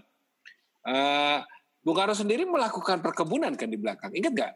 Dan hmm, yang dia iya, iya. berkebun iya. nama Bufat itu yang di ya, lapangan ya. parkir kita gedung pola itu kan di situ gue hmm. bilang. Nah dulu ini berkebun nih di sini itu. Ya ya ya. Mereka ya. melakukan itu, gitu sih. Itu yang gue lihat. Yang hmm. ditanam itu memang ada apa namanya palawija, hmm. ada juga tanaman jarak. Nah tanaman jarak itu itu adalah program dari bala tentara Jepang. Setiap hmm. rumah harus menghasilkan apa sih buah ya? Dia berbuah hmm. ya pohon jarak tuh. Yang kemudian nanti dikumpulkan dari setiap rumah, lalu oleh bala tentara Jepang di di apa di diolah menjadi minyak kan gitu. Untuk hmm. lampu, untuk apa kan gitu. Tapi selain tanaman jarak itu juga ada tanaman-tanaman lain, ada singkong, ada apa itu ya. Nah, gue pernah dengar sih, jadi saking susahnya zaman itu ya, itu eh, mereka makan itu pengasihan dari rakyat ya kayak beras dikasih karena belum ada gaji kan presiden belum bergaji waktu itu. Hmm. Uh, lalu sayur-sayurannya diambil dipetik dari kebun. Oh, ya, yang dimakan ya itu udah seadanya itu aja. Ayam dan daging kayak itu. gitu tuh kehidupan kayak gitu tuh lebih akhirnya lebih nggak mendorong kita serakah loh mas. Iya ternyata republik kita lahir dengan dengan ke keadaannya seperti itu.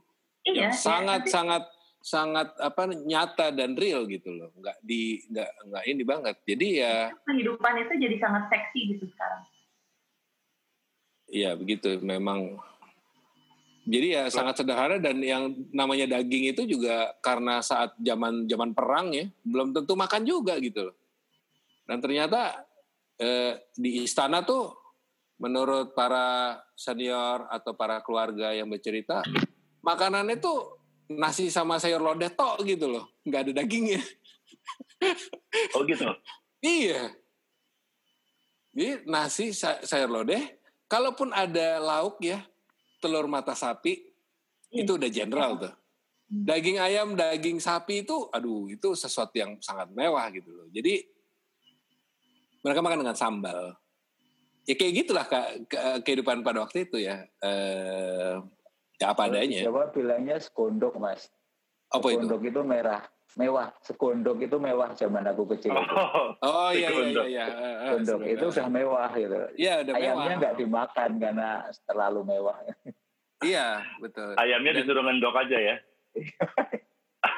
Jadi itu dan itu ter- itu bukan hanya yang dimakan oleh presiden dan keluarga presiden, itu yang dimakan sama orang-orang istana dan juga para menteri yang setiap pagi itu makan pagi di sarapan pagi di di istana.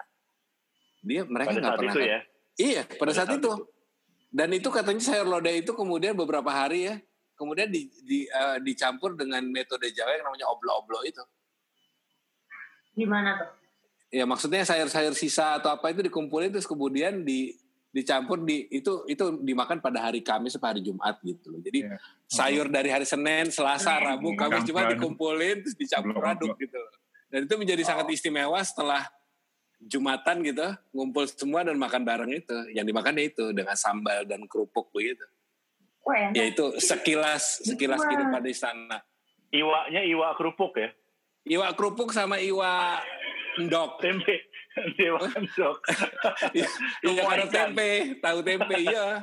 Ya, sekolah Iya, itu. iya, iya. Ya. By Ya. the way, dengan apa ya, dengan pergeseran uh, pergeseran pergeseran lahan dan segala macam yang alih fungsi lahan tuh kehidupan tuh jadi berubah banget ya. Jadi gini, Oh sangat. uh, jadi kayak aku kan aku kan uh, bisa dibilang di keluarga papaku aku cucu paling tua dan itu tuh lahirnya tuh loncat gitu loh. Jadi uh, gue 86, adik-adik gue langsung di 90-an gitu ya. Adik-adik uh, adik-adik sepupu-sepupu itu 93 gitu lahirnya. Kemudian eh, aku masih merasakan rumah itu di pinggiran jalan Ciamplas. Jadi jalan Ciamplas kan kota ya, udah kota banget gitu kan.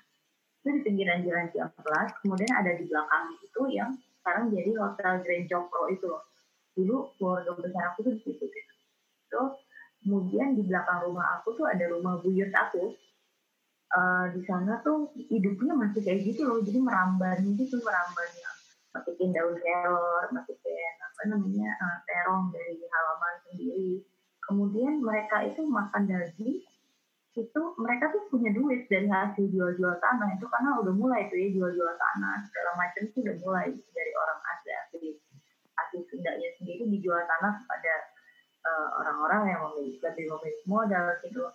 Terus eh, kemudian mereka tuh bukan nggak punya duit gitu, tapi mereka udah punya sikap mereka makan apa yang ada di sekitar karangan mereka. Bahkan makan Iya. ayam tuh paling kayak dua minggu sekali atau nungguin si ayam ini gede gitu. Iya, Si ayam Iya, ini benar. tuh, oh, oh, ayam ayam ini tuh gede gitu. Kalau makan sapi, ya makan sapi ya kadang-kadang ya di perayaan-perayaan eh, eh, Idul Fitri atau Idul Adha Iya. aja karena kalau kambing tuh masih dia suka makan kalau misalnya lagi ada akikahan siapa Hmm. si kambing itu di, eh, dibeli atau ditukar sama apa masih masih sistem tukar loh itu terus em, yang mikir tuh kayak yang di zaman dulu itu sebelum tahun 94 sebelum dibangunnya ada Sultan Plaza Matahari yang akhirnya me- me- menghabiskan banyak tanah warga asli di situ gitu. Itu kehidupan tuh beda banget. Jadi aku masih bisa nangkring di pohon mangga kalau sore-sore masih dengar suara-suara eh, air gitu loh kalau bangun karena di belakang Hmm. sungai segala macam. Walaupun gue paling suka ngintip orang beol di sungai gitu. Eh ada yang beol. Gitu kan. Itu kemudian ah, tapi tapi bukan dari eh, walaupun sekarang akhirnya sanitasi dan segala macam sudah diperbaiki dengan benar semua punya MCK tapi dengan adanya pergeseran pergeseran eh, alih fungsi lahan yang tadinya buat meramban itu terus saya tukeran ini punya kecipir eh saya pengen bikin eh, lenca misalnya tukeran gitu kecipir sama lenca Oke. dan segala macam itu tuh jadi enggak ini dan mereka tuh eh, aku ingat sih kalau main ke rumah buyut aku atau ke rumah kakak-kakaknya nenek aku aku tuh kayak masih makan yang makan itu sayurannya tuh bener sayuran yang bukan wortel pun jarang mas. Jadi kayak yang sayurannya bener-bener sayuran rambanan yang apa ada krokot ada pokohan ada segala macam tespong dan segala macam. Yang hijau-hijau itu lah ya. Iya yang hijau-hijau itu. Bahkan wortel pun itu jarang-jarang banget gitu iya makanya. Nah generasi aku tuh udah mulai mereka nggak suka makanan itu dan mereka sukanya wortel yang kayak sayuran. Dari dari sayuran pun berbeda. Brokoli Hmm. dan segala macam yang memang sayuran yang itu ada dalam pertanian nah dalam hal ini juga aku nggak bilang pertanian itu salah enggak sih pertanian komoditi itu salah juga enggak cuman sistemnya yang memiskinkan. Sistem. Oh. Betul. kemudian Ya. apa masih makan itu ketika ibu tuh sedih banget ketika di tanah sebelah itu yang tadinya lapangan bola banyak pohon mangga ada bambu yang gede aku ingat banget ada bumbu yang gede orang ngambil rebung dari sana terus dimasak dan segala macam gitu. Terus eh, apa masih bisa ya misalnya eh, bu bagi dong. Itu apa namanya lagi masak rebung oh iya dia ternyata ngambil rebung banyak banget dan bisa dibagi-bagi ke tetangga. Setelah ada pembangunan mall itu kehidupan tuh jadi individu gitu loh. Jadi yang Iya. kayak tawar-tawarin makanan itu itu udah udah, udah kayak jarang aja. Apalagi dengan eh, apa sepupu-sepupu saya. Di saya yang lahir udah 90-an 90-an 90-an itu kayak apa sih lu ingat-ingat banget gitu pada saat masa-masa itu? Enggak itu gue yang selalu gue ingat adalah value-nya ini value yang parah banget jadi yang kayak gue bisa eh, main bola di tengah lapang tuh di pinggir-pinggir lapang tuh dilemparin mangga sama yang lagi ngikutin mangga terus diteropak gitu. Tuh anak-anak yang eh, lahir 95 kayak gitu gitu tuh udah nggak dapet gitu masa-masa itu. Dan jadi itu kan nggak dapet dan itu kayak yang kurang asik aja gitu loh itu sih Hmm. Tapi generasi kita yang lahir pada zaman itu hari ini jadi pembalak hutan dan penambang. iya Iya, itu persoalan Karena ya juga itu. iya Persoalan. kayak yang apalagi zaman zaman masuk ini ya kayaknya lebih lebih lebih banyak yang epic lagi gitu dan eh, dalam apa ya itu lebih banyak yang epic sih menurut aku gitu. Sampai aku eh, yang yang pernah diceritain dari Mas Yuka yang akhirnya aku jadi searching tuh Mas Yuka bilang di zamannya dia ada band namanya Rawe Rantek gitu. Terus katanya agak-agak sakti gitu. Gue nggak tahu gitu tuh band apaan. Akhirnya aku cari. Ternyata mungkin dalam dalam hal tumbuhan juga pasti akan banyak. Lebih epic sih. Lebih beragam gitu. Hmm. Heeh. jadi kayak ternyata kalau jadi pembalap hutan dan akhirnya jadi jadi apa sih eh, Itu tuntutan desakan ekonomi ya. iya itu kayak yang sistem juga sih akhirnya Iya, sistem sistem yang dibiarkan berjalan dan yang bertanggung jawab adalah pemerintah pada saat itu. Gitu sih. Tiba-tiba orientasi pemerintah tidak lagi kepada ketahanan atau kedaulatan pangan, tidak lagi ke arah ke apa namanya eh, ekologi yang seimbang, tidak lagi ke arah apa eh, lingkungan tempat hidupnya manusia. Jadi semuanya udah pokoknya ada perdagangan, ada industrialisasi, ada uang masuk, ekonomi. iya, semua atas das, atas nama itu semua. iya jadi akhirnya makanan tuh dibeli kan Iya, ah ah, dibeli bukan jadi dari dibeli pakai sistem mata uang itu dan akhirnya timbullah di situ ada krisis pangan dan segala macam sih akhirnya di Iya. sana. betul. Hmm. Ya, ya, ya, ya. Banyak ya ternyata yang bisa dipikirin ya. Kalau Banyak. lagi Banyak, banyak nih. buat Banyak. normal gitu loh maksud gue. banyak banget jadi gini aja sih Maksudnya Oh, sekedar kita- pakai harus pakai masker ya, Oh. bukan eh, oke lah itulah gitu. Cuma maksudnya uh, ada ada hal-hal yang bisa kita apa namanya bisa kita pikirkan untuk sesuatu yang lebih baik lagi gitu loh setelah adanya masa kayak gini gitu. Ya kalau kayak Iya. masanya Mei, kayak masanya Mas Laman kan juga eh, apa namanya eh, paham gitu ya bahwa ini memang memang eh, masa-masanya kita mulai berpikir rethink about eh, apa ya kebiasaan gitu kali ya kebiasaan dan cara berpikir mungkin ya Iya, since, since sudah pada praktek juga gitu kan iya. sebenarnya gitu Dan kita pernah Ya. mengalami itu juga gitu loh. satu Iya makanya satu mak- itu ya itu poin masa gua udah gitu. pernah ah, udah masa Bahwa- kita nggak bisa sih bahwa bahwa ini bukan yang pertama kali gitu. iya Jadi bukan yang ah, ah, benar Hmm, gitu. Kalau saya ada pengalaman sih mas. Jadi Iya gimana mas?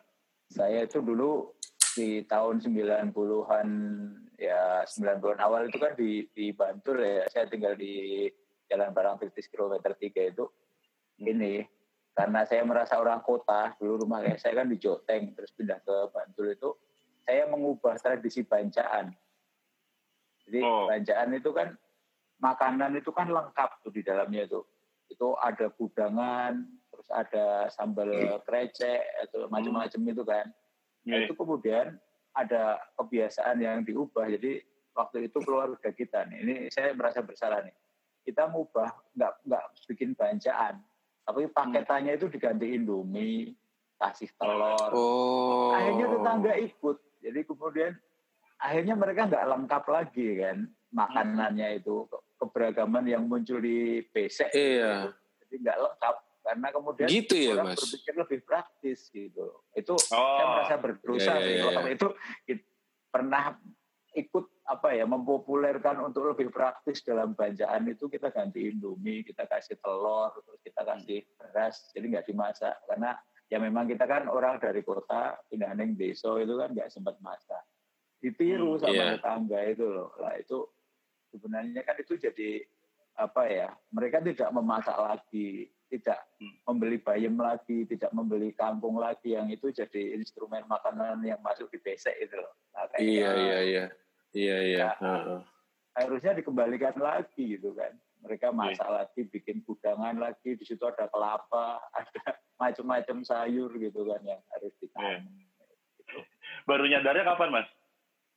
ya belum lama mas setelah mulai mulai punya otak yang agak bener wah aku berkontribusi ini ternyata ya meskipun ya nggak cuman selevel kampung ya tapi terus saya ngecek keponaan itu ya sekarang masih om. Kalau 40 hari itu udah diganti pakai indomie kasih teh. Waduh ini kan ya semoga di kampung lain. Enggak gitu loh maksud saya. Jadi iya. perubahan masih kayak gitu. mending ada. Daripada di Bandung sekarang rame ada kayak gitu 40 hari tiba-tiba bisa bisa lu bubar. Ya itu. Dan itu juga Ada ya, salah satu. Baru mau ke situ sebenarnya saya. Begitu udah mulai ada PKS ada HT macam-macam yang menghilangkan tradisi itu ya semakin hilanglah itu gitu loh. Jadi Ya, oke. faktornya Ya, ya. banyak ternyata kalau Iya, apalagi di Jawa Barat ya kayak gitu tuh orang-orang udah bisa loh. Nah, kalau- Saya datang ke 40 hari tiba-tiba ada orang yang tiba-tiba ini bit A bit A. Hah, apaan nih gitu katanya. Saya lagi nyantai sekarang gitu. yang sama- bikin 40 harian itu malah orang Katolik bukan Islam lagi. Yang Jawa itu mereka malah masih bikin gitu kan. Jadi ya Oh gitu ya. saya sih berharap orang Katolik semakin banyak bikin itu 40 hari 100 hari dengan bentuk Peta. makanan yang sama dengan yang dilakukan oleh orang NU gitu maksudnya jadi ya Iya. biar Keren banget sih. gitu. kayak gitu sih Gak ada Mas Niki nih, aduh. It- jadi ngop- tadi itu soal literasi pangan juga kan dan itu sempat kemarin katanya dia bikin penelitian kalau orang Jogja itu literi, literasi pangannya bagus lah Iya, aku juga mengakui. Nah itu terus kemarin sempat ngobrol juga dengan teman-teman Depok. Lah aku ngomong, nah kalau di Depok itu nggak sempat mikir makanan makan makanannya apa, macam apa, apa yang dimakan yang dipikir gitu. Misalnya orang yang Hmm, dan melihat level pendidikannya kan jauh nih Depok ya. Depok itu apalagi ditarik ke arah Citayam, ke arah Bojong itu kan rata-rata lulus SMA kerjanya di mall gitu karena memang disediakan mall untuk bekerja buat mereka. Iya. Ditanya keanekaragaman pangan ya geprek lagi apa yang bisa cepat dimakan sama mereka gitu. Jadi ya memprihatinkan Tapi gitu. Iya, memprihatinkannya dan makanan cepat saji gitu kan yang akhirnya menimbulkan banyak penyakit terus kenanya Ya, ke ayamnya tahu sendiri ayam suntikan gitu-gitu. ayam suntikan Hmm, Makanya yang yang jadi kayak. "Oh, mati aja lu orang-orang gitu kayak kalau dulu sempat ngetren pecel lele ya, everywhere. Iya. Hmm. Sekarang Jadi masih masih mending ada sayurnya itu kan, masih ada kemangnya, masih ada kopis. Eh, kol ya. Dan kol itu Iya. sudah divariasi bisa digoreng dengan rasa yang lebih enak gitu. Iya. Sekarang lebih simpel lagi, ayam pakai saus gitu. Gila, ini terus gimana? ya makanya lebih, lebih simpel tapi lebih kayak terus akhirnya ya, ya. apa ya akhirnya yang aku pikirin yang kayak akhirnya yang mereka mereka yang bisa menjangkau itu dan dan sebenarnya Iya. kegelisahan aku tuh kayak yang kayak ini sih makanan-makanan organik sekarang tuh mahalnya banget dan dijadikan komoditi dijadikan apa padahal sebenarnya kalau kita bisa ber eh, apa ya mas ya bisa berkomunitas gitu ya bisa berkomunitas sama-sama di satu ini Ya, ya, ya, ya. makanan organik tuh bisa murah gitu Ini lagi mau mulai mbak saya. Jadi ini Nah, tadi itu. sebenarnya saya pas lagi di luar tadi itu lagi ngeracik pupuk. Jadi pupuk cair. Kita bikin nih. Dan nanti kalau bisa ini harganya murah. Apa kalau kita bisa berjejaring itu kita bisa saling inilah.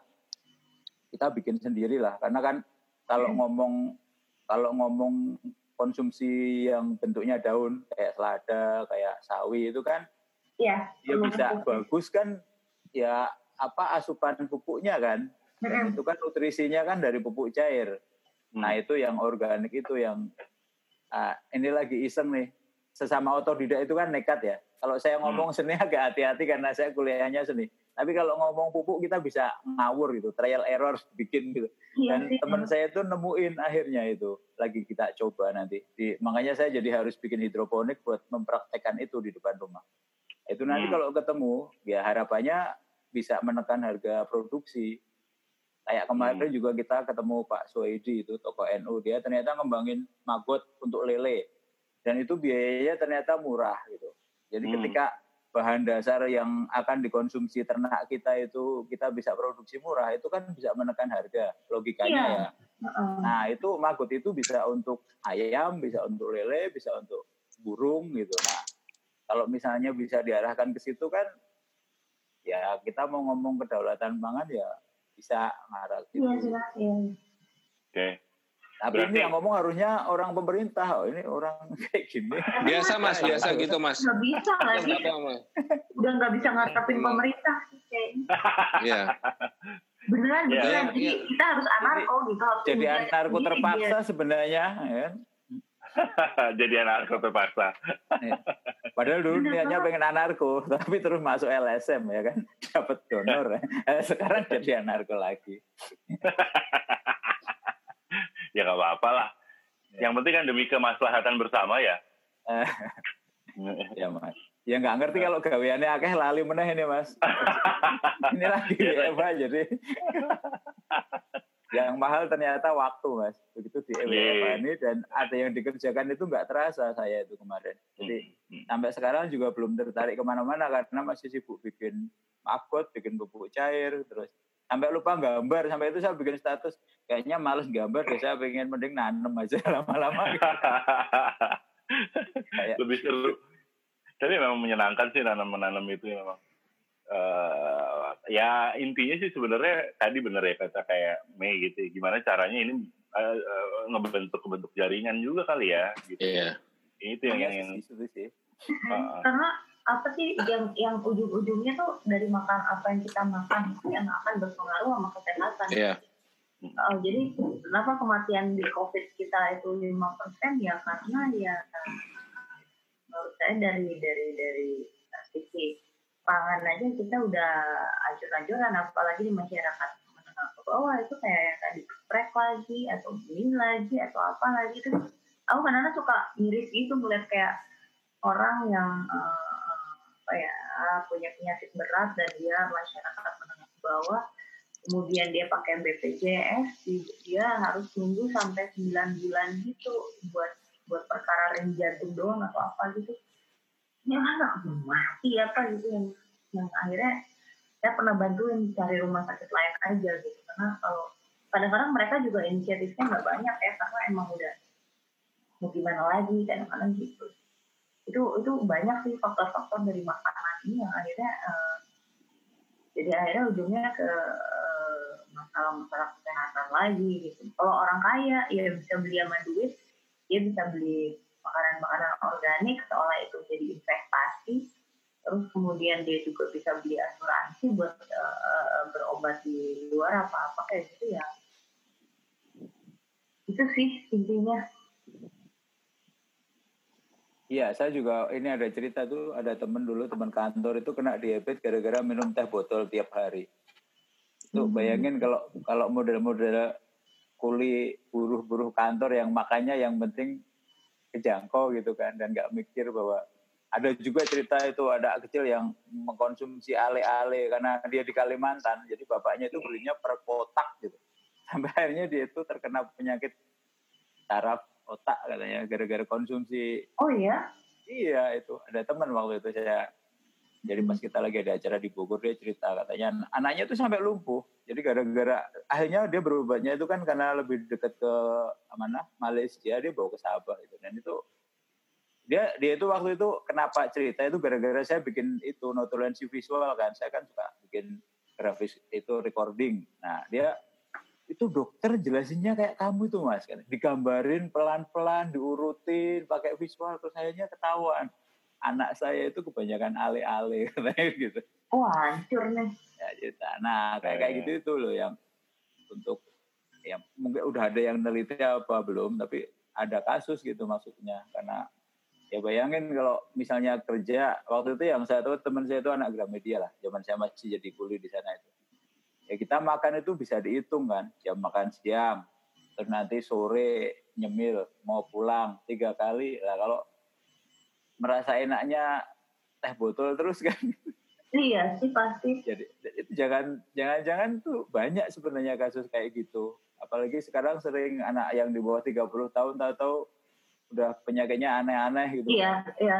Jadi ada Diajak teman saya itu, bisa diikutin itu mas Mbak Meta Herpati itu temen seangkatan saya gitu. Terus dia eh, kena lagi kena kanker gitu sekarang. Terus dia cerita kalau dokter nutrisinya itu cerita juga gitu. Kalau dia karena dulu sering minum minuman saset ternyata isi minuman saset itu banyak karbon mas Hmm, nggak murni kopi ada karbonnya. Wah, gila banget kan berarti udah kayak pembunuh berdarah dingin aja. Iya. Bioteknologi apa?